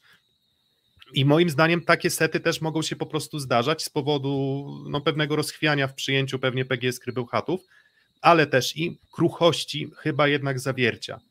Do 10. Do 10. E, PGS Kra do 10 wygrała wtedy z zawierciem, tak? Jeżeli dobrze. Tak, tak. Na, na sprawdziłem. Tak? sprawdziłem. Jasne trochę jakby nie, nie spodziewam się, że to będą mecze, w których będziemy mieli, nie wiem, tak jak Zawiercie grało z Resowią, gdzie, e, gdzie, gdzie te sety rozstrzygały się o, nie wiem, 2, 3, 4 punkty, decydujące akcje, gdzie w zasadzie cały cały mecz po prostu, czy nawet w, obszarze całego seta, jednego seta ta gra falowała, tak? Trzy punkty tu, trzy punkty tam, trzy punkty tu, trzy punkty tam. E, na końcu te drużyny się spotykały i grały dość zacięte, e, dość zacięte końcówki. Tutaj jednak spodziewam się, że, mm, że te atuty ofensywne po prostu mogą, mogą rozstrzygać, tak? I słabość w sumie obu drużyn myślę jednak w, e, w elemencie mm, przyjęcia po prostu, tak? Pytanie, kto lepiej sobie poradzi na piłce wysokiej, no bo Skra cały sezon gra na piłce wysokiej, Zawiercie cały sezon gra na piłce wysokiej i obie drużyny są skuteczne, tak? Więc, więc nie wydaje mi się też, że e, potrzebuje Zawiercie bardzo dobrego przyjęcia. Nie uważam, że tego przyjęcia fantastycznego wymaga też PGS Krabełchatów, ale jeżeli nie będzie mieć tego przyjęcia, no to ktoś musi na lewym skrzydle PGS Krze dowieść. A ani Ebadipur, ani Kojf nie pokazali na dystansie całego playoffu, że są w stanie właśnie to robić, tak? I, i tak kręcimy się trochę w kółko, zastanawiamy, ale ciekaw jestem właśnie już typu, tak? No bo większość ludzi na, e, na odpowiada, że Aluron CMC 3 do 0, 3 do 1 mm, w meczach. Mm. A jak wy sądzicie? Trochę nawiązując do tego, co powiedziałem na początku, to są drużyny trochę bardziej do siebie pasujące charakterystyką grania, stąd mi się wydaje, że może być właśnie trochę dłuższa rywalizacja. E, 3 do 2 lub 3 do 1 dla zawiercia. Myślę, że maksymalnie jednego seta, e, jednego, jedno spotkanie ugra PGS grę. Przy czym raczej nie sądzę, że będziemy widzieć takie sety właśnie jak do 10 na przykład. Raczej to będą chyba bardziej zacięte e, mecze rozstrzygane bardziej w końcówkach, e, jeśli chodzi o stosunek małych punktów w setach, tak mi się przynajmniej wydaje. Y, pytanie jutro jest takie, kto szybciej pozbierał głowę, bo też my sobie zapominamy o tym, a ten okres przerwy jest u Skry był dłuższy. No i tydzień temu mieli tydzień na przygotowanie się do, do spotkania. Tu klasyczny rozkład ataku, wiadomo, przewaga przyjmujących po stronie zawiercia i, i ogromna w środkowych po stronie skry, więc to też będzie dla mnie ciekawe mm, trochę starcie tego, na ile Kawana w zupełnie innym sposobie grania, na ile będzie szukał znowu bardzo dużo odejścia do, do przyjmujących, a, a czy nie poszuka troszeczkę wykorzystania tego, że bardzo łatwo atakujący chodzą przez skrę. Czy tego nie poszuka? No bo jednak ta, to prawidło się sprawdzało cały sezon do tej pory, że atakujący przez skrę chodzą bardzo łatwo. I to jest też moim zdaniem dość ciekawe wyzwanie, na ile taktycznie przygotuje się do tego meczu zawiercie. Mam przekonanie, że no sztabowo zawiercie jest mocniejsze w tej chwili niż skra, natomiast no wiadomo, nie wygrywają tego sztaby, a, a zawodnicy. Ja przewiduję, że wygra zawiercie, bo głód medalu jest większy, bo jest trochę bardziej ułożony klub, bo, bo są duże oczekiwania na przyszły sezon, a, a nie wiem, czy ta zmiana Kowacza na tym etapie była zmianą, e, która może coś innego poza jakimś impulsem dać i jak do tego też do tej zmiany podejdą Serbowie w zespole Skry, no bo, bo też pewnie oni e, no, raczej chyba się z, z Radokowaczem dogadywali. No akurat Mitic nawet jakby się nie dogadywał z nowym trenerem, to tam z ławki raczej za wiele nie napsuje, a przypuszczam, że raczej będzie na ławce rezerwowych, ale Aleksandra Tanasiewicz to no, on nawet jak będzie, się zagrać będzie chciał zagrać dobrze, to i tak może być duży rozjazd efektywności ze skutecznością, więc nie, są, nie spodziewam się akurat po nim, że nawet gdyby Kowar został, to zagrałby taki mecz, że byłby w stanie rozstrzygnąć rywalizację do trzech wygranych meczów. Będzie na pewno potrzebne też lewe skrzydło PGS 3. I trochę nawiązując do tego, co ty Piotrek tam powiedziałeś, że ty masz to swoje powiedzenie o anomalii, że czy to jest anomalia, czy zapomniałem tę drugą część. Tak, że w sensie znaczy powiedzenie, bo to nie jest powiedzenie, ja to użyłem raz, więc czy to jest w sensie, czy, czy, czy jak spoglądamy na, nie wiem, pojedynczy mecz, to czy uważamy, że to jest y, coś, co jest, pozwala na wyciągnięcie wniosków w szerszym horyzoncie czasowym, czy może okay, dobra, to po prostu wyjątkiem, tak? Uproszczę sobie, czy to jest jakiś trend, czy anomalia. No jeżeli popatrzymy na to, że ostatnio gra słabo kilka meczów w Badipur, to to już raczej jest trend. A, a też pojawił się taki trend, że cała trójka skrzydłowych zawiercia grała, miewała momenty, że grali jednocześnie dobrze i z Rysowią w ćwierćfinale i w pierwszym meczu z Zaksą. Mimo tego, że tam w tym pierwszym meczu Konarski zaczął chyba od 1 na 8 skończonych ataków, to później już się odgruzował ze swoim graniem, więc tam było dużo więcej takich momentów, że cała trójka skrzydłowych zawiercia wchodziła na dobry poziom. W przypadku Skry, o ile nawet zagra dobrze Koi, to Ebadipur nie dawał ostatnio sygnałów do tego, żeby grać dobrze. Chyba, że może właśnie Ebadipur miał jakiś problem z Kowaczem i pozbycie się Serba sprawi, że zobaczymy jakąś odmienioną twarz Irańczyka. Nie wiem, ale, ale tu jest większe moim zdaniem ryzyko, że właśnie zabraknie jednego ze skrzydłowych właśnie w PGS na dobrym poziomie. Mm, to okej, okay, to mój typ to też mimo wszystko, bo tak na, nakręciłem, że tam może skra, może skra. Znaczy tak, bardzo odważnie jakby miał typować, to powiedziałbym, że jednak będzie to zwycięstwo PGS Krybełchatów po, nie wiem, czterech lub pięciu spotkaniach. Myślę, że atut widzę też tego typu, że mm, niełatwo gra się przyjmującym przeciwko PG, znaczy przyjmującym, lewo skrzydło, na, z lewego skrzydła niełatwo atakuje się przeciwko PGS Krzebełchatów, bo tam paradoksalnie i Łomacz, co jest może trochę zaskoczeniem, ale Atanasiewicz też pracują bardzo mocno. Mm, porównując na przykład Urosza Kowacewicza i Defalco w tym sezonie, no to też wydawałoby się, że obaj byli postaciami bardzo istotnymi dla, e, dla, dla swoich klubów i pewnie jednymi z czołowych gwiazd ligi, ale Defalco też nie na dystansie tych trzech spotkań, no to w dwóch z trzech spotkań nie zagrał zbyt dobrze e, z PGS Krowbełchatów i wydaje mi się, że to też jest jednak jak, jakaś tam charakterystyka, jakiś tam wzorzec. Nie spodziewam się, żeby zmieniła się dystrybucja w zawierciu, raczej raczej nie widzę tego, o czym Kuba mówił, że tam atakujący sobie radzą dobrze, więc tutaj nie widzę takiego mismatchu, tak, na zasadzie no to, że na przykład Konarski nie decydował o obrazie gry Aluronu CMC y, Warty Zawiercie w tym sezonie i nie sądzę, żeby teraz miałoby się to e, drastycznie, e, drastycznie zmienić, może się, może się mylę, więc to będzie dla mnie też po prostu kwestia tego, czy Urosz i Conte podołają gdzieś z dobrze zorganizowanym blokiem e, na, na lewym skrzydle mm, skrypt. Jeżeli to zrobią, to będzie pewnie łatwiej niż się spodziewamy. Natomiast tak jak sobie myślę, że Atanasiewicz też pewnie będzie grał lepiej niż z Jastrzębskim Węglem, tak? Bo bo łatwiej mu będzie znaleźć na przykład dziury w bloku, tak? Tam z tym przemieszczaniem się środkowych zawiercia bywa też różnie na bloku.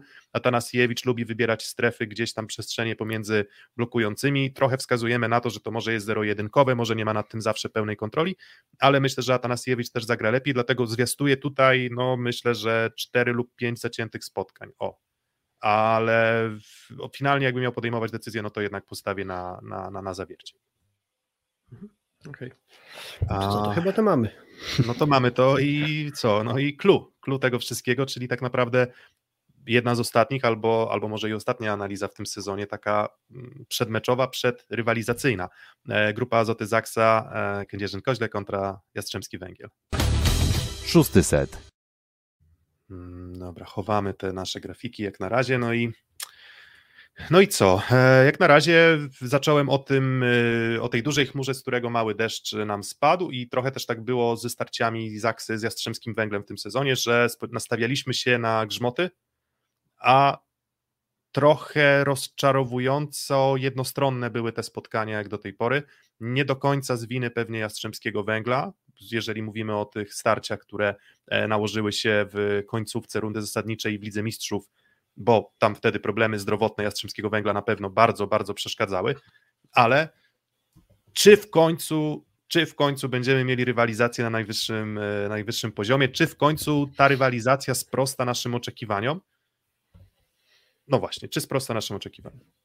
Do tej pory to był właśnie duży zawód, bo pewnie ostrzyliśmy sobie zęby na to, co miało dziać się w Lidze Mistrzów, a potem wyszło, że pojechaliśmy na to spotkanie do Jastrzębia, wszyscy we trójkę, spodziewaliśmy się grzmotu wielkiej rywalizacji, po czym po przyjeździe do Hali dowiedzieliśmy się, że Jastrzębianie są chorzy i potem boisko potwierdziło to, co zostało powiedziane, faktycznie było widać że Jastrzębie nie jest sobą i gładko Zaksa sobie poradziła i zameldowała się e, w finale mm, Ligi Mistrzów, przez to trochę nam ta rywalizacja została, radość z tej rywalizacji zabrana. Teraz już tak wygląda, że Jastrzębie zostało opanowane przez trenera Nicole Giolito. W tytule naszej transmisji się pojawiło, że Giolito 4 razy 3-0, bo faktycznie na razie do tej pory 4 mecze pod wodu tego włoskiego trenera i do tej pory jeszcze Jastrzębie nie straciło seta i mało tego, po prostu wyglądają dobrze sportowo, bo wynik wynikiem, ale Jastrzębie wróciło do grania swoimi atutami Jeszcze dodatkowy plus jest taki, że w jednym z tych meczów na moment pojawił się Kleveno, to być może gdzieś daje jakieś odejście na krótkim dystansie, jak właśnie wtedy, gdzie Kleveno wszedł za Fornala chyba do przyjęcia, a jeszcze jakiś czas temu spodziewałem się, że może skoro Kleveno ma problemy jakieś z kolanem bodajże, musiał gdzieś wyjechać za granicę, sprawdzić co mu dokładnie dolega, to sądziłem, że być może sezon dla niego się skończył. Ciężko powiedzieć, czy może nie jest przypadkiem tak, że on tylko się nadaje do wejścia na przyjęcie, może nie może skakać i tak dalej, ale nawet jeżeli uważam Kleveno za gracza stabilniejszego w przyjęciu, to może nawet na jakieś jedno, czy tam, no tak, no dokładnie na jakieś jedno ustawienie do drugiej linii, to jego zmiana może być nieoceniona, więc wydaje się, że Jastrzębie już po prostu wróciło do swojej najlepszej wersji. To jest bardzo pocieszające względem tego właśnie, co się wydarzyło w Lidze Mistrzów, to jest oddzielna w ogóle historia, bo ja uważam, że na się jakaś klątwa została rzucona w Lidze Mistrzów i oni już po prostu tej Ligi Mistrzów to nigdy nie wygrają, bo te trzy ostatnie sezony, to co tam się działo, w jaki sposób byli eliminowani, to jest aż ciężkie do, do wyobrażenia sobie, ale teraz to nie o tym. Ktoś, wiesz, ktoś, ktoś złośliwy powiedziałby, że jeszcze trochę więcej transferów na linii właśnie Kędzierzyn Jastrzębski Węgiel musiałoby się wydarzyć, żeby, żeby ta Liga Mistrzów padła łupem Jastrzębia. Jakieś ciekawe plotki chodzą odnośnie, że może będzie transfer na linii Jastrzębie Zaksa tym razem. Ale to nie będziemy jeszcze uprzedzać, bo jeszcze to nawet nie jest faktem, ale, ale może być ciekawie na pewno na rynku transferowym, jeśli chodzi o kierunki jednego zawodnika. Nie odbiegajmy od tematu. Powiedziałem o Jastrzębiu, że właśnie jest to pocieszające, że oni do siebie wrócili i to jest zespół, który na pewno ma tutaj, żeby się postawić w Zachsie. E, co do Zachsy ostatnio trochę tych rys się u nich pojawiało, bo chociażby mówiliśmy o słabości śliwki, symbol, jedno ze zdjęć naszej grafiki zapowiadającej to tę transmisję Łukasz Kaczmarek rozdzielający swoją koszulkę hmm, chyba w czwartym secie meczu pierwszego z zawierciem, pokazujący, symbol, symbolizujący trochę bezradność Zachsy wtedy. Więc Zachsa ma pewne wyrwy, ale ma też historię pokazującą twierdzić, że jednak się ogarnął w swoją, mm, na, na swój najwłaściwszy właściwy moment. Pamiętamy mm, rywalizację przed Pucharem Polski Stalnysa, Zaksa w ćwierćfinale. Zaksa to mi się, Będzie, to mi się bardzo, to mi, to mi się bardzo spodobało właśnie. To muszę przyznać, że to było fantastyczne, bardzo, bardzo, bardzo kreatywne ze strony kibiców Zawiercia, więc tak, właśnie... obraz, aż sobie sprawdziłem dokładnie, co to jest. Yy, inaczej, nie znałem tego obrazu, więc znaczy pamiętałem, co to jest, ale nie do końca wiedziałem kontekst. To jest obraz Jana Matejki pod tytułem Rejtan Upadek Polski. I to trochę ta rozdarta koszulka symbolizowała w tym pierwszym meczu upadek Zaksy. No ale właśnie do tego zmierzałem, że. Ale widzisz, jak, miała... Polska, jak Polska upadła i się odrodziła, taki Zaksa i Łukasz Kaczmarek też I... się odrodził. Dokładnie, ja właśnie do tego zmierzałem cały czas, że był ten ćwierćfinał Pucharu Polski, gdzie Zaksa wydawało się, że ucieka jej mecz ze Stalą Nysa. I jednak byli w stanie się odgruzować, mimo że na turniej finałowy Pucharu Polski zapowiadało się, że oni mogą tego nie wygrać, bo tak to trochę wyglądało, że są pod formą, no to jednak finał ze Strzemskim Węglem wygrany 3 do 0. Później kilka jeszcze ważnych momentów, gdzie zapowiadało się, że Zaksa może nie jest w swojej optymalnej dyspozycji. Przegrali w Nowosybirsku 3 do 0 w Lidze Mistrzów, po czym trzeba było wygrać w Lubę mm, z Kuciny Lubę Ciwitanowa. Pojechali i wygrali, czyli byli trochę pod wodą, a mimo tego się odgruzowali. Teraz tak samo. Mimo, że w tym pierwszym meczu z Zawierciem byli pod wodą, postawili się pod ścianą, bo graniu do dwóch wygranych, jest już jeden mecz do tyłu, no to nie masz miejsca na Mm, pomyłkę. No i odwrócili to i już raczej przekonywu, w przekonywujący sposób awansowali do finału. I teraz znowu może być tak, że ta Zaksa może jakieś wyrwy swoje ma, znowu tam ten śliwka, chociażby tu już przedtem mówiłem, jeszcze pewnie coś byśmy mogli poszukać, jakiś brak stabilizacji, po czym tam magiczna i trochę umiejętność tego sezonu sprawi, że będzie finał i Zaksa znowu będzie swoją najlepszą Zaksą. I to jest trochę takie klucz tej mojej wypowiedzi, że Jastrzębie w swojej najlepszej dyspozycji dojedzie na ten finał chyba, i Zachsa chyba też dojedzie. I no, stąd... No, sześć spotkań do tej pory, mówię, bardzo ciężko z nich wyciągać wnioski. Bardzo. Bo my szukaliśmy przed, y, przed Ligą Mistrzów wniosków, mm, robiliśmy nasze analizy, pokazywaliśmy jakby, że słabszy jest Klewno, jakby z tej czwórki przyjmujących, no Teraz... właśnie, w zasadzie, w zasadzie, jeżeli macie ochotę wrócić, no to macie cały odcinek z Michałem Mieszko-Gogolem, w którym zastanawialiśmy się nad no, atutami, które pokazały tu właśnie zdrowe, takie normalne jastrzębie i, i zdrowa, normalna zaksa, tak? No i wychodziło nam dość wyrównane granie z jakąś przewagą y, Zaksy i mam wrażenie, że możemy do tego wrócić. Kilka powodów, ale z drugiej strony zgadzam się z Pawłem, że Zaksa ma w tym roku patent na Jastrzębie i on wynika chociażby z jednej rzeczy. To niutki blok. Janusz w meczach z Jastrzębiem wyglądał zawsze fenomenalnie i y, bardzo mocno te ustawienia z Team wykorzystuje. Bardzo, bardzo mocno, bezlitośnie. I to jest coś, czego po drugiej stronie nie ma bo rok temu było w Zaksie to ustawienie, teraz go w Zaksie nie ma. Przez Janusza nie gra się łatwo. Pograł trochę kątę o blok, ale już dwa kolejne mecze Janusz troszeczkę też wyciągnął z tego wnioski i mam wrażenie, że to ustawienie, chociażby to, że Śliwka gra na Toniutiego, powoduje, że jego skuteczność z Jastrzębiem w każdym meczu była bardzo wysoka. I co jeszcze umiała zrobić Zaksa w tych spotkaniach, to jest wyłączyć drugiego przyjmującego. To znaczy w meczach do tej pory, szczególnie tych E, e, w tych meczach, e, które pamiętam, czyli Puchar Polski, czyli Liga Pierwsza, czyli jakby te, gdzie ze Szczebie było zdrowe, wyłączany był szybciutko Klewno albo Szymura i wyłączany był Hadraba. I tak naprawdę było takie przekonanie, jak oglądało się, że Fornal to trzyma, że jest graczem, który mógłby stanąć po drugiej stronie i trzymać ten poziom, ale pozostali już tak nie dojeżdżali. Mm, I tak właśnie spoglądam sobie na jedyny wygrany przez Jastrzębski Węgiel mecz w tym sezonie z Zaksą. Super Puchar. Czyli mecz o super, mecz o super Puchar Polski.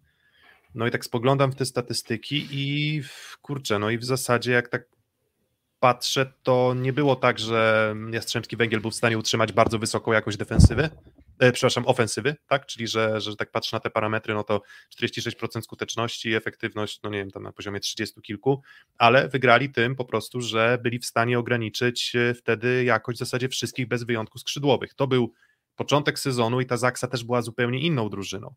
Ale znowu wydaje mi się, że Tutaj, tutaj Jastrzębski Węgiel musi szukać szansy. Trochę przyrównałbym to do zeszłorocznej rywalizacji finałowej, tak? gdzie Jastrzębski Węgiel zaczął właśnie fantastycznie ograniczać Semeniuka i Śliwkę i, e, no i Kaczmarka wtedy, e, wtedy również, tak? Mm, I trochę, trochę tego się spodziewam, w sensie, że Zaksa będzie bardzo mocna w relacji blok-obrona i to bardziej jest pytanie na zasadzie, czy Jastrzębski Węgiel w ogóle zna, znajdzie jakąkolwiek odpowiedź na dystrybucję Janusza, na pomysł jego na grę i na skuteczność, e, skuteczność skrzydłowych. Muszą wyłączać, tak jak zawsze mówimy, że wyłącz półtora skrzydłowego.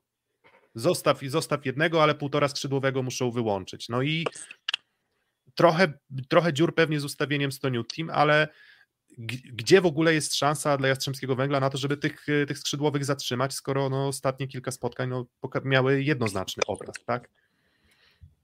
No tak, ale tutaj forma versus Kaczmarek to jest moim zdaniem jakieś tam ustawienie pierwsze. Po drugie, co rok temu było inne. Rok temu pamiętamy już, że Skrom, już Semeniuk miał na przykład tak, że ciasne schody nie z kosy nie wchodziły, nie? Trochę miał dołek rok temu fizyczny, teraz nie ma. Teraz tak, nie... tak, on po tych, po tych skosach z zawierciem to fantastycznie, tak, fantastyczne no, kierunki. Więc tak naprawdę no tutaj wydaje mi się, że, że, że trzeba się skupić pewnie na, na, na działaniu nad śliwką, od początku, chociaż on akurat, jak mówię, te mecze trzy w tylu meczu Ligi Mistrzów zagrał bardzo dobrze. Dziwnie, dziwnie wymawiasz e, Żalińskim. tak, nie, właśnie, bo takie pytanie padło przy tym, czy stawiamy, że jutro wyjdzie właśnie Żaliński z Semeniukiem, czy Semeniuk ze Śliwką, bo ja, ja nie mam wątpliwości, że Żaliński zacznie na ławce. To zapytanie. No. Było takie pytanie przy tym na czacie, więc ale ja 98,2137% głosów było na to, że jednak Śliwka z Semeniukiem. Hmm. hierarchię po coś masz, tak? Nie burzysz hierarchii jednego wieczoru. Natomiast wydaje mi się, że... że... A Reino czy Smith? Bo to już dla mnie ciekawsze pytania i sam nie jestem pewny teraz, co bym powiedział, ale wydaje mi się, że jednak Smith zacznie. Myślę, że Smith zacznie, natomiast no Reino pokazuje w tych, tych spotkaniach playoffowych super formę i, i wydaje mi się, że jeżeli Smith nie zacznie dobrze, on dobrze wyglądał w meczach e, ze środkowymi, z Macyrą i z Wiśniewskim w meczach Ligi Mistrzów, ale no to był y, chory Wiśniewski, tak, troszeczkę i mam wrażenie, że no jeżeli nie zacznie dobrze, to wejdzie szybko Rej, no to jest zmiana moim zdaniem już absolutnie jeden do jednego, jak nie, jak nie często Rej nadaje więcej. Mm, nie wiem, znaczy tutaj też się, też się nie podejmuje, raczej spodziewam się wyjścia ze Smithem, bo do tej pory było tak, że Smith jednak wychodził na te spotkania a raczej kluczowe spotkania wychodził właśnie mm, ze Smithem, e, trener Krety, tak? Więc... Rozgrywka jest, tak, chłopaków i teraz pytanie, kto będzie łatwiej mógł trafić Szymura, nie? Nie wiem, nie wiem, nie, nie, nie podejmuje się, bo to jest inna, float versus mierzona siłowa, no nie wiem, no wydaje mi się, że to też może mieć jakiś wpływ. Mm, po stronie Jastrzębskiego Węgla, no to faktycznie wywołałeś do tablicy Szymurę, no i chyba i Szymura i, i Hadrawa łamane na Błaje. Raczej Hadrawa, no bo raczej ułożyło się to tak, że, że, że to będzie wybór mm, wybór trenera Giulito. Jak na razie przynajmniej na to wszystko na to, wszystko na to wskazuje i Błaje może będzie uzupełniał, um, uzupełniał grę. I, i, I tutaj właśnie są też, bo tak mówimy o tych atutach defensywnych, a po stronie Jastrzębskiego Węgla mam wrażenie, że już trochę wrócili do swojej gry, tak, że już mam wrażenie, że Toniutti zagrał dobre, pół, dobre półfinały z PGS Krobelchatów, mam wrażenie, że już wszystkie strefy były otwarte, pojawiło się dużo mm, szóstej strefy też, tak, bo, bo, bo tam Fornal i, i Fornal i Szymura tak naprawdę wyglądali w tym aspekcie bardzo dobrze, więc ten pomysł bardzo już był widoczny, ale jednak Hadrawa trochę zawodził w tych starciach z e, Zaksą i znowu... Strasznie, może... strasznie zawodził. Tak, i może, i może dorabiamy znowu, może znowu dorabiamy do tego jakąś ideologię, może nadinterpretu, nadinterpretujemy to, ale Hadrawa ma myślę pewne ograniczenia swoje, jeśli chodzi na przykład o atak z, mm, za linii trzeciego metra, tak, czyli jeżeli jest w ustawieniach z tyłu, to mam wrażenie, że dużo łatwiej będzie Semeniukowi wtedy i, i Śliwce po prostu go, mm, go trzymać, tak? I, I myślę, że to też odrobinę wychodziło, że to nie jest taka potęga fizyczna. To jest regulacja um, jakby na biegu, to jest, e, to jest obijanie piłki, to jest gdzieś tam kątowe uderzenia, owszem, kapitalne, ale mam wrażenie, że przeciwko Skrzep, tak jak rozmawialiśmy w kontekście, e, Boże, przeciwko Skrzep, przeciwko Zaksie, jak rozmawialiśmy o tym, że może właśnie przeciwko Zaksie potrzebujesz trochę brutalnej siły. A kto z kim wygrali pierwszy mecz? Błaje był w pierwszym meczu, grał, Hadrawa wszedł tylko w superbucharze na sekundę, tak? Te mecze, które widzieliśmy w ostatnim czasie pokazywały tak. Hadrawa tempowością, właśnie tym nabiegiem, on z zespołami go zorganizowanymi, nawet z Lubę, wyglądał kapitalnie. Natomiast po pierwsze, w ustawieniach, gdzie on atakuje, stoi Janusz w obronie. Janusz świetnie broni, umówmy się. To jest pierwsza rzecz. Po drugie, yy, Semeniuk czy Śliwka blok mają jak na przyjmujących świetny. No a zobaczmy też jedna rzecz, bo o tym nie powiedzieliśmy. W formie gigantycznej jest Huber. Siedem bloków to jest monstrum. To jest, to jest Simon, to jest monstrum i generalnie też, no to, to jest kolejne utrudnienie jeszcze grania przez niego. Tak, że Hadrawa, Hadrawa nie będzie miał, Hadrawa nie będzie miał dziur. Co mi Raczej, tak? U Hubera też jeszcze, bo w pierwszym meczu go obijał kolosalnie kątę i widać było złość Hubera. Jak on wyciągnął wnioski na drugi, trzeci mecz, to też mi zaimponowało niesamowicie.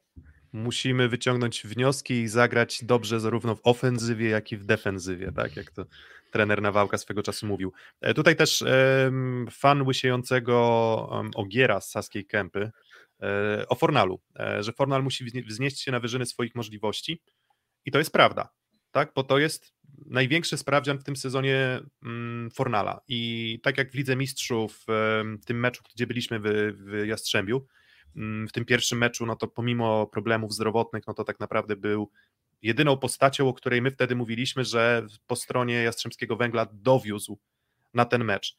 No i kapitalnie gra Tomek Fornal od y, już tam, nie wiem, tych dwóch, trzech miesięcy. No i teraz mówimy, sprawdzam. Tyle tylko, że nie jestem do końca przekonany, czy z Zaksą można to oceniać przez, jakby Zaksa musi, znaczy przepraszam, Jastrzębski Węgiel musi zespołowo zagrać dobrze, bo jakby nie, nie, nie, można oczekiwać, że jeżeli grasz przeciwko Zaksie, to nagle jeden zawodnik będzie ci, e, będzie ci wygrywał mecze. Natomiast Tomek Fornal jest niezbędny, jest absolutnie niezbędny, jest niezbędny nie tylko w tym wariancie mm, blok, zagrywka, przyjęcie, ale przede wszystkim w tym, gdzie pewnie cały czas jeszcze mamy, może, ja mam przynajmniej może jakieś odrobinę e, wątpliwości, czyli po prostu atak na piłce wysokiej. I to jest jakby granie z Zaksą na piłce wysokiej to jest chyba największe możliwe wyzwanie w tym momencie w siatkówce klubowej, jakie możecie spotkać, tak myślę. No i nie ma Jokera, nie ma Kuby Budzkiego już w Jastrzębiu. Na pewno duża rola właśnie Budzkiego w, w zeszłym sezonie właśnie w tym finale.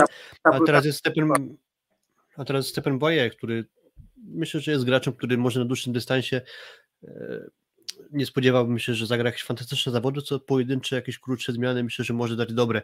E, jego siła ofensywna, czyli ta przewaga fizyki właśnie nad Hadrawą może tu okazać się na pewno przydatna, bo to są zawodnicy o różnej charakterystyce. Skoro Hadrawa może sobie nie radzić przeciwko Zachciu, to Boje ma właśnie kontratuty takie, że może akurat z Boje e, to może zagrać. Mm, mignęło mi Fornal, już włosy na mistrza ma zrobione. No tak, pamiętacie, pojawiło się zdjęcie kilku graczy pofarbowanych na żółto czy tam złoto Jastrzębia i też od razu były wspomnienia sprzed kilkunastu lat finału Jastrzębia, gdzie też się gracze Jastrzębia pofarbowali, a finał ze Skrą przegrali jednak. Nie ma y, przypadków, są tylko znaki. Um, zaraz poszukam tej, poszukam tej grafiki, bo w, poszu, znaczy postaram, postaram się znaleźć właśnie, nie wiem, czy w ogóle to są archaiczne czasy. Ja je dość dobrze pamiętam, bo to był e, wtedy, gdy pofarbowali włosy, to tak jeszcze wracając, jako nie wiem, mała dygresyjka, to nie wiem, czy pamiętacie, to był chyba największe wyzwanie, jakie spotkało tę PGS Krebełchatów, która zdobywała chyba 7 mistrzostw z rzędu. Że wtedy te, bardzo zacięta była ta rywalizacja e, finałowa. Oni pofarbowali te włosy, jeśli dobrze pamiętam, po ograniu Mostostalu. Tak. Wtedy w ostatniej piłce, co mm, Kadziewicz, jeżeli dobrze pamiętam, rzucił się jakimś padem fantastycznym, Szymański machający koszulkami, to wydaje mi się, że to wtedy było. Czy nie? Czy, czy, czy coś, czy coś... 100% wtedy, 100%. Wydaje mi się, wydaje to jeżeli, jeżeli, coś, jeżeli coś mylę, to oczywiście skorygujcie mnie, ale wydaje mi się, że tak było, no ale tak jak Filip mówisz, no nic to nie dało, tak? W tym momencie faktycznie włosy już e, mistrzowskie e, przygotowane Fornala i Błaje między innymi, tak? Ale, ale zobaczymy, czy, czy, czy, czy to na, na, na, na pewno tego typu gesty pokazują, że no, jest może trochę, nie wiem, luzu, może takiego podejścia, wiecie, że no, nie, nie, może, nie może być przemotywowane Jastrzębie, natomiast warto zwrócić uwagę też na jedną rzecz, to grupa Azoty Zaksa walczy o odzyskanie korony. Jastrzębie może, Zaksa musi, moim zdaniem. Mm, tak, no i prezes Gorol ma to pewnie trochę inne zdanie na ten temat, tak myślę. Jakiś tam pewnie Gardini daleko nie odjechał od Jastrzębia, w razie czego jakby tak się przydarzyło, że Jastrzębie pierwszy mecz przegra, to szybka roszada i cyk, nowa miotła znowu. Wiesz, i, znaczy, wiesz, tam spotkań, wiesz, do trzech, do trzech wygranych grasz, więc w zasadzie możesz jeszcze, wiesz, Leszka Dajewskiego wypróbować w razie potrzeby, tak? Na, mhm. na, na, na stanowisku pierwszego trenera, jeżeli byś, jeżeli byś chciał oczywiście, tak, bo pewnie miałbyś takie możliwości. Mm, natomiast no, no co, no, obronił się jak na razie Giolito, więc myślę, że też przygotowany będzie, będzie dobrze. Ciekaw jestem właśnie, co sztaby analityczne mają w głowach w tym momencie. W sensie, co możesz jeszcze zrobić, co możesz zmienić. Bo Możemy Zaksa... grafiki pokazać, może sztabom będzie łatwiej. Tak, o właśnie, no to może ten, może jeszcze odpalimy faktycznie. A, dobra, no i co? No i to co, co, co by te grafiki pokazały? No one pokazały, bo już, już je pokazywaliśmy w, odcinku z Michałem Mieszko-Gogolem też. Mm, natomiast co widzimy? No widzimy, że mm, to są drużyny bardzo skuteczne, tylko że o troszeczkę innej, innej jednak charakterystyce e, atutów, tylko że odrobinę lepsza jest po prostu Zaksa na dystansie całego sezonu, czy w zasadzie to są dane z e, drugiej rundy, tak, e, fazy zasadniczej. Mm, więc jeżeli mówimy o samej skuteczności w ataku, to, to tutaj chyba środkowi się nasuwają najmocniej, um, bo i Wiśniewski, i Gładyr, mm, Stoniut Team się trochę nie bardzo mogli spotkać przez większość sezonu, no jednak Huber potrafi grać mecze absolutnie fantastyczne. Natomiast co pokazuje, jakby te, te konkretne liczby nie pokazują dla mnie jednej rzeczy, że Zaksa jest dla mnie mm, po prostu drużyną jednak bardziej elastyczną w doborze rozwiązań wojskowych. Jak rozmawialiśmy właśnie tam, nie wiem, z Marcinem Januszem po meczu w, a w, w, w Jastrzębiu, to tak... Jeszcze raz? W Jastrzębiu, tak, chciałem ci tak, tak, tak, powiedzieć. Tak. Tak, tak, że rozmawialiśmy z nim po meczu i on tak właśnie mówił, że on nie chce za bardzo się wychylać tam z y, niuansami taktycznymi i tak dalej, czy, czy, czy, czy to jest zarysowane, natomiast różnych bohaterów sobie kreował w tych meczach. Wykreował sobie śliwkę, bo grał przez um, potrafił sobie wykreować Kaczmarka, potrafił wykreować Hubera, więc nie jest tak, że jeżeli będzie jeden pomysł na grę, to Zaksa będzie ten pomysł y, konsekwentnie um, realizować od A do Z, bo, bo po prostu nie musi tego robić. Tak? W przypadku Jastrzębskiego Węgla mam wrażenie, że no jednak jest pewien sposób na grę, który związany jest na przykład, nie wiem, z może ograniczeniem trochę piłek sytuacyjnych do, do hadrawy, próba bardzo takiej dystrybucji zrównoważonej zazwyczaj, tak, że dla mnie Zaksa potrafi sobie rotować, wybierać zawodnika, który akurat będzie dominował. Semeniuk sobie grał fantastycznie z zawierciem. Um, wcześniej, wcześniej podawałem kilka różnych przykładów. Mm, w Jastrzębiu jest tak, że mm, oni dobrze funkcjonują, tak bym powiedział, to w jakimś takim specyficznym balansie, e, gdy wszystko jest zrównoważone, wszystko jest poukładane. Nie wiem, czy mają aż e, tyle, może nawet paradoksalnie powiedziałbym, może jakości na skrzydłach, tak? Bo gdybyśmy porównali Fornal, Hadrawa i Szymura versus Śliwka, Semeniuk, Kaczmarek, mówimy tutaj o optymalnej formie, no to kogo wybieracie? Ja wybieram trójkę z Absolutnie.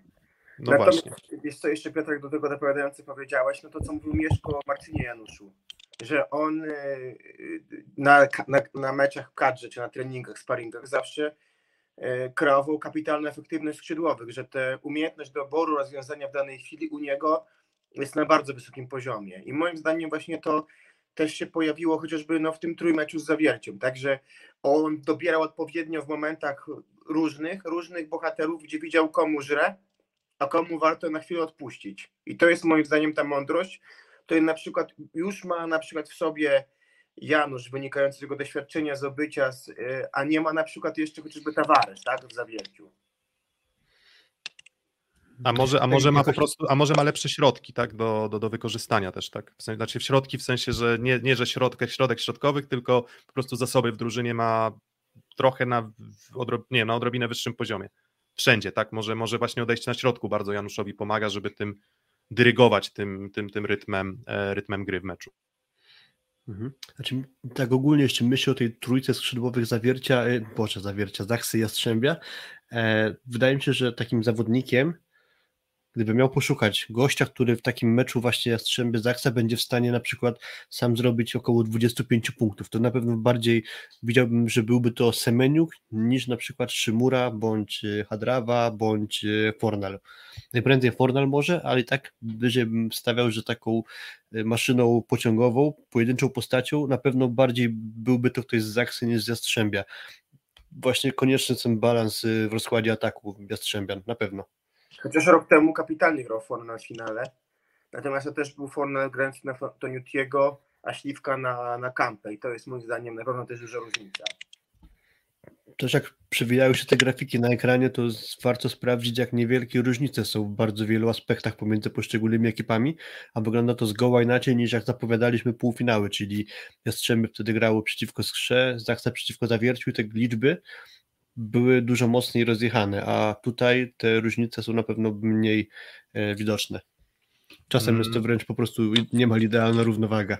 No tak, nawet, nawet, to, nawet to pokazuje, tak, że, że po prostu no, troszeczkę różne atuty i, i, i, też, i też tutaj, tak jak na przykład mówimy o tych atakujących, tam tak, no, mówiliśmy tak, Semeniuk i Śliwka trochę gorzej zaczęli blokować w drugiej rundzie, po czym Semeniuk robi pięć bloków punktowych w Zawierciu tak, um, więc um, wiedzieli, znaczy raczej, ale wskazywaliśmy też jednocześnie, że i Semeniuk i Śliwka raczej mają ten blok, e, blok po prostu um, lepszy. Mm. Jeszcze jedna rzecz, na którą bym zwrócił uwagę, a propos też powiedzmy gdzieś tam z dystrybucji Toniutiego z, z PGS Crow Bełchatów, to jest to, o czym mówiłem.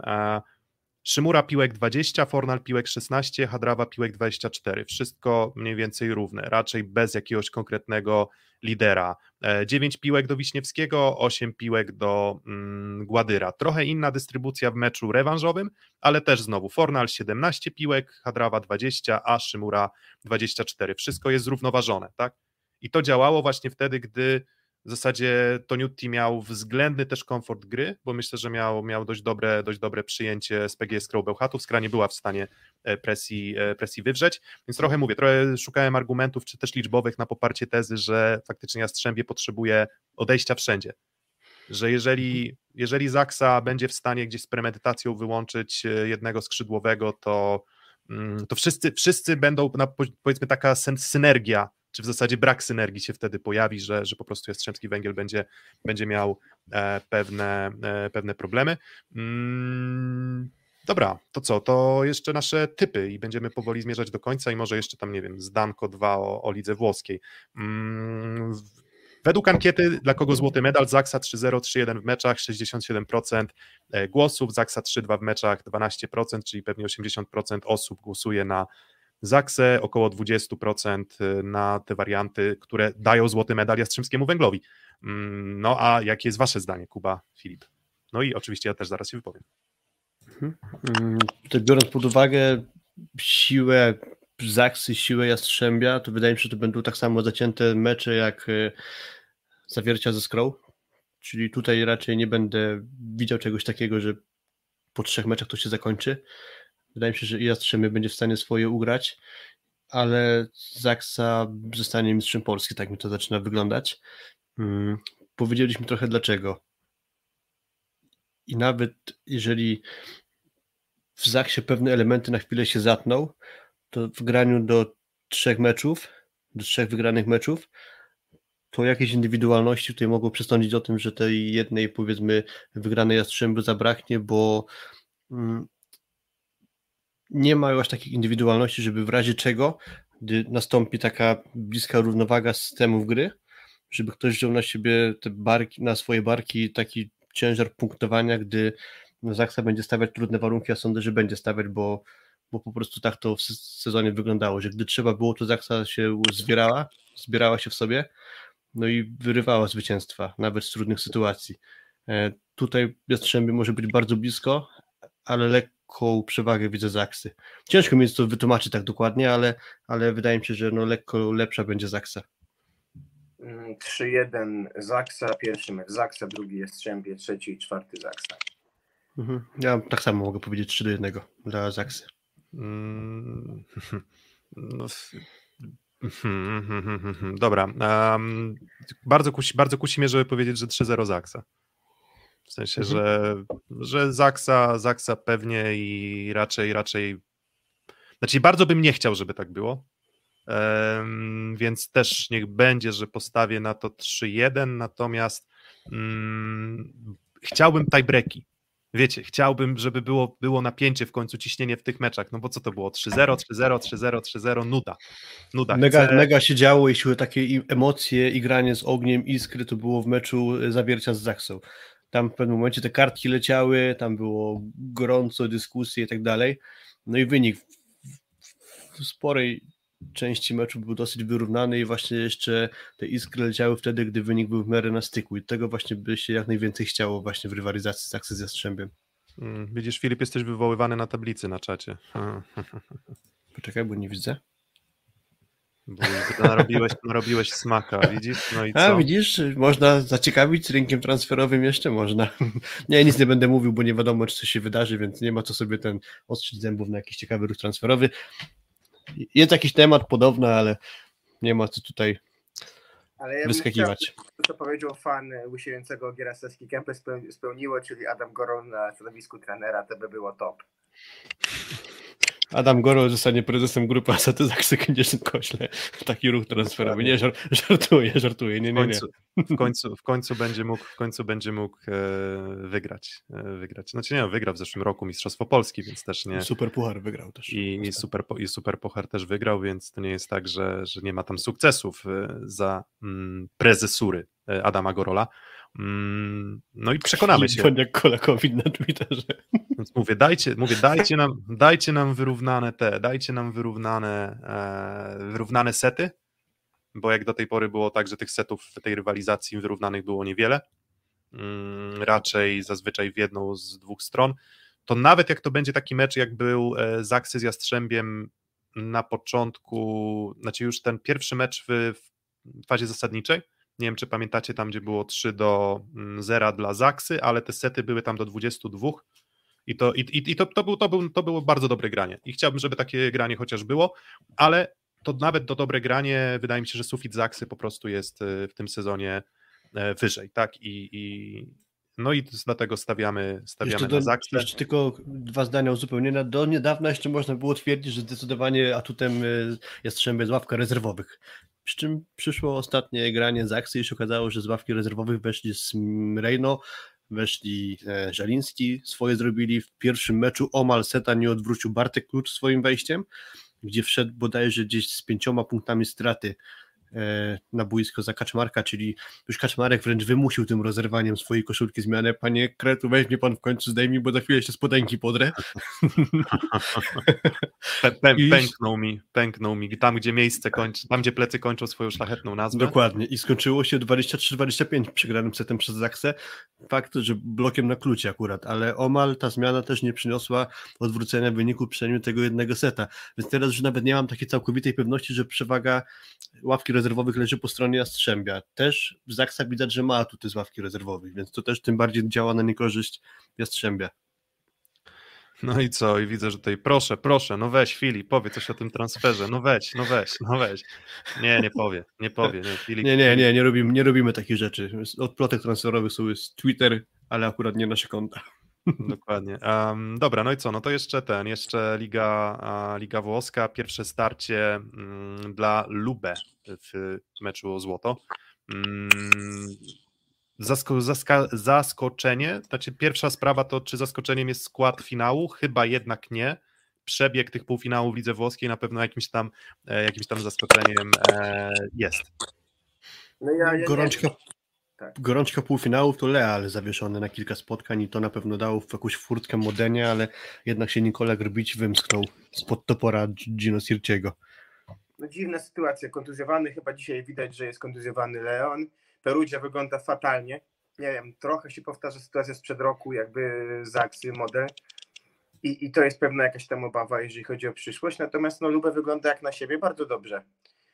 Dużo daje mi się Luca Lelli. To jest myślę, że zawodnik najlepszy w tej chwili widzę włoskiej, jeżeli chodzi o balans i taki najbliżej zbliżony do Plus Ligi. Natomiast te mecze są tak różne od Plus Ligi. To jest po prostu łomot, grzmoty, yy, Monster Block, Monster Ace i tak naprawdę mam wrażenie, że Lubę ten mecz wygrało tym, że ma po prostu duet de Czeko Simon, który się w kuczerach tak bawi i to im daje, bo, bo tak, Rychlicki jest pewnym atakującym, który odnajduje się przy dwóch świetnie wyglądających, przyjmujących, nie, ale przy tym jak sam musi ciągnąć, to jest trochę już inaczej. I, e, i po prostu wyłączony Anderson w pierwszym meczu. Leon z problemami zdrowotnymi, który no, nie przypomina naszego Leona, którego znamy, a po stronie, po stronie Lubę seniorzy, ale seniorzy witalni. Tak, witalni, ale też i ci, ale też i ci młodzi, myślę, że też a też jak Gabi, też e, no, zwiastun potencjału. Myślę, że przypadkowych zawodników, bo tak pamiętacie, że tak wskazywaliśmy tam Jan, Gabi, tam, czy to już jest ten poziom. Mm, czasem jest, czasem jest, jakby mają, mają na pewno oznaki potencjału i myślę, że to nie są przypadkowe, przypadkowe postaci też w barwach Lubę. Mm, no i to też potrafią, potrafią udowadniać. Mm, natomiast, no właśnie, tak jakby trochę dwie różne dyscypliny się zrobiły, tak? To jest, to jest bardzo ciekawe, że mm, wydawałoby się, że wydawałoby się, że charakterystyka, charakterystyka siatkówki powinna być względnie podobna, a mimo wszystko mm, no nie wiem, znaczy chyba jednak to łono plus ligowe mi tutaj bardziej e, wolę, wolę chyba przy nim pozostać, tak? Jakoś jeżeli chodzi o charakterystykę gry, to to mam wrażenie, że jest bardziej zniuansowana jest ta gra i jest troszeczkę więcej, mm, no, więcej możliwości też wyciągania wniosków, próby doszukiwania się rzeczy innych niż to, czy akurat komuś tam wyjdzie mecz i, i będzie na tej wysokiej piłce rąbał jak y, dzikus, czy nie będzie rąbał jak dzikus. A propos właśnie trenery Nicoli Giolito, to też mi się przypomniało jego słowa mniej więcej rok temu, jak wracał do Jastrzębskiego Węgla z Lubę, to właśnie powiedział, że y, to się w sumie często powtarza, ale on to też powiedział jako trener, więc można pewnie mu zaufać. Znaczy myślę, że na pewno więcej od nas, ale że Liga Włoska jest bardziej siłowa niż plus Liga, on tak stwierdził. Więc to by się też pokrywało z tym, co Piotrek mówiłeś i, i w takim razie zostaje się tylko pod tym podpisać.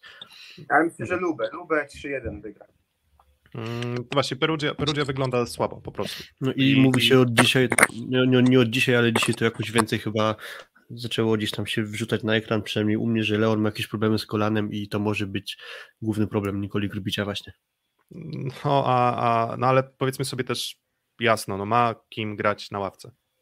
Jakby, no Putnicki z Andersonem ewentualnie tak, jeszcze. Ma, ma, ma, ma alternatywę, więc y, uporczywe granie Leonem, jeżeli faktycznie są tam jakieś problemy z, z kolanem, poza zagrywką Leon wygląda bardzo słabo w ostatnich meczach, więc dobra. E, fini, finiszujemy, kończymy. Um, jeszcze Enjoy, e, trzeci, Vivat Maj, 3 maj, mm, Konstytucja 3 maja, więc um, patriotycznie, a może przy grillu, nie wiem jak do końca macie ochotę spędzać ten dzień, ale jeszcze macie cały dzień wolny, um, a jutro rozpoczynamy rywalizację o medale i Oby było, oby było zacięcie, oby było emocjonująco i to będzie clue tak naprawdę, a, a, a, to czy kto wygra, czy kto przegra, to ja osobiście nie mam tutaj jakichś takich swoich osobistych, emocjonalnych, e, bardzo mocnych preferencji. Jesteśmy po prostu fanami dobrej gry i oby ta dobra gra się pojawiła. Hmm, dokładnie, tak jak było w Chłopaki nie płaczą, że był taki, taka postać jedna, która mówiła, że o, strzelaniny, wojny gangów to mój chleb powszedni. No to żeby takie strzelaniny i wojny gangów były po siatkarsku w tym finale, a żeby się nie skończyło na filmie o facecie w łódce. Dokładnie. Tak, e, wiesz, e, jak to mówią, że film o kapającej wodzie z kranu. No to wiesz, to, to właśnie, żeby to nie było to, a bardziej, żeby to był, nie wiem. Swoją drogą, wczoraj byłem na filmie Viking i polecam, bo tam działo się. bardzo, bardzo, bardzo okay. ciekawe Jak ukazanie. będzie nuda w finale, to pójdę na film Viking w takim razie. Dokładnie, ale, ob, ale obyś nie musiał. Albo pójdź sobie już po zakończonej rywalizacji. Dobra, dzięki, trzymajcie się i enjoy, bawcie się dobrze jeszcze, korzystajcie z fajnej pogody, odpalajcie grilla, może już macie odpalony i do zobaczenia. Do usłyszenia. Dzięki, cześć. Dzięki, cześć.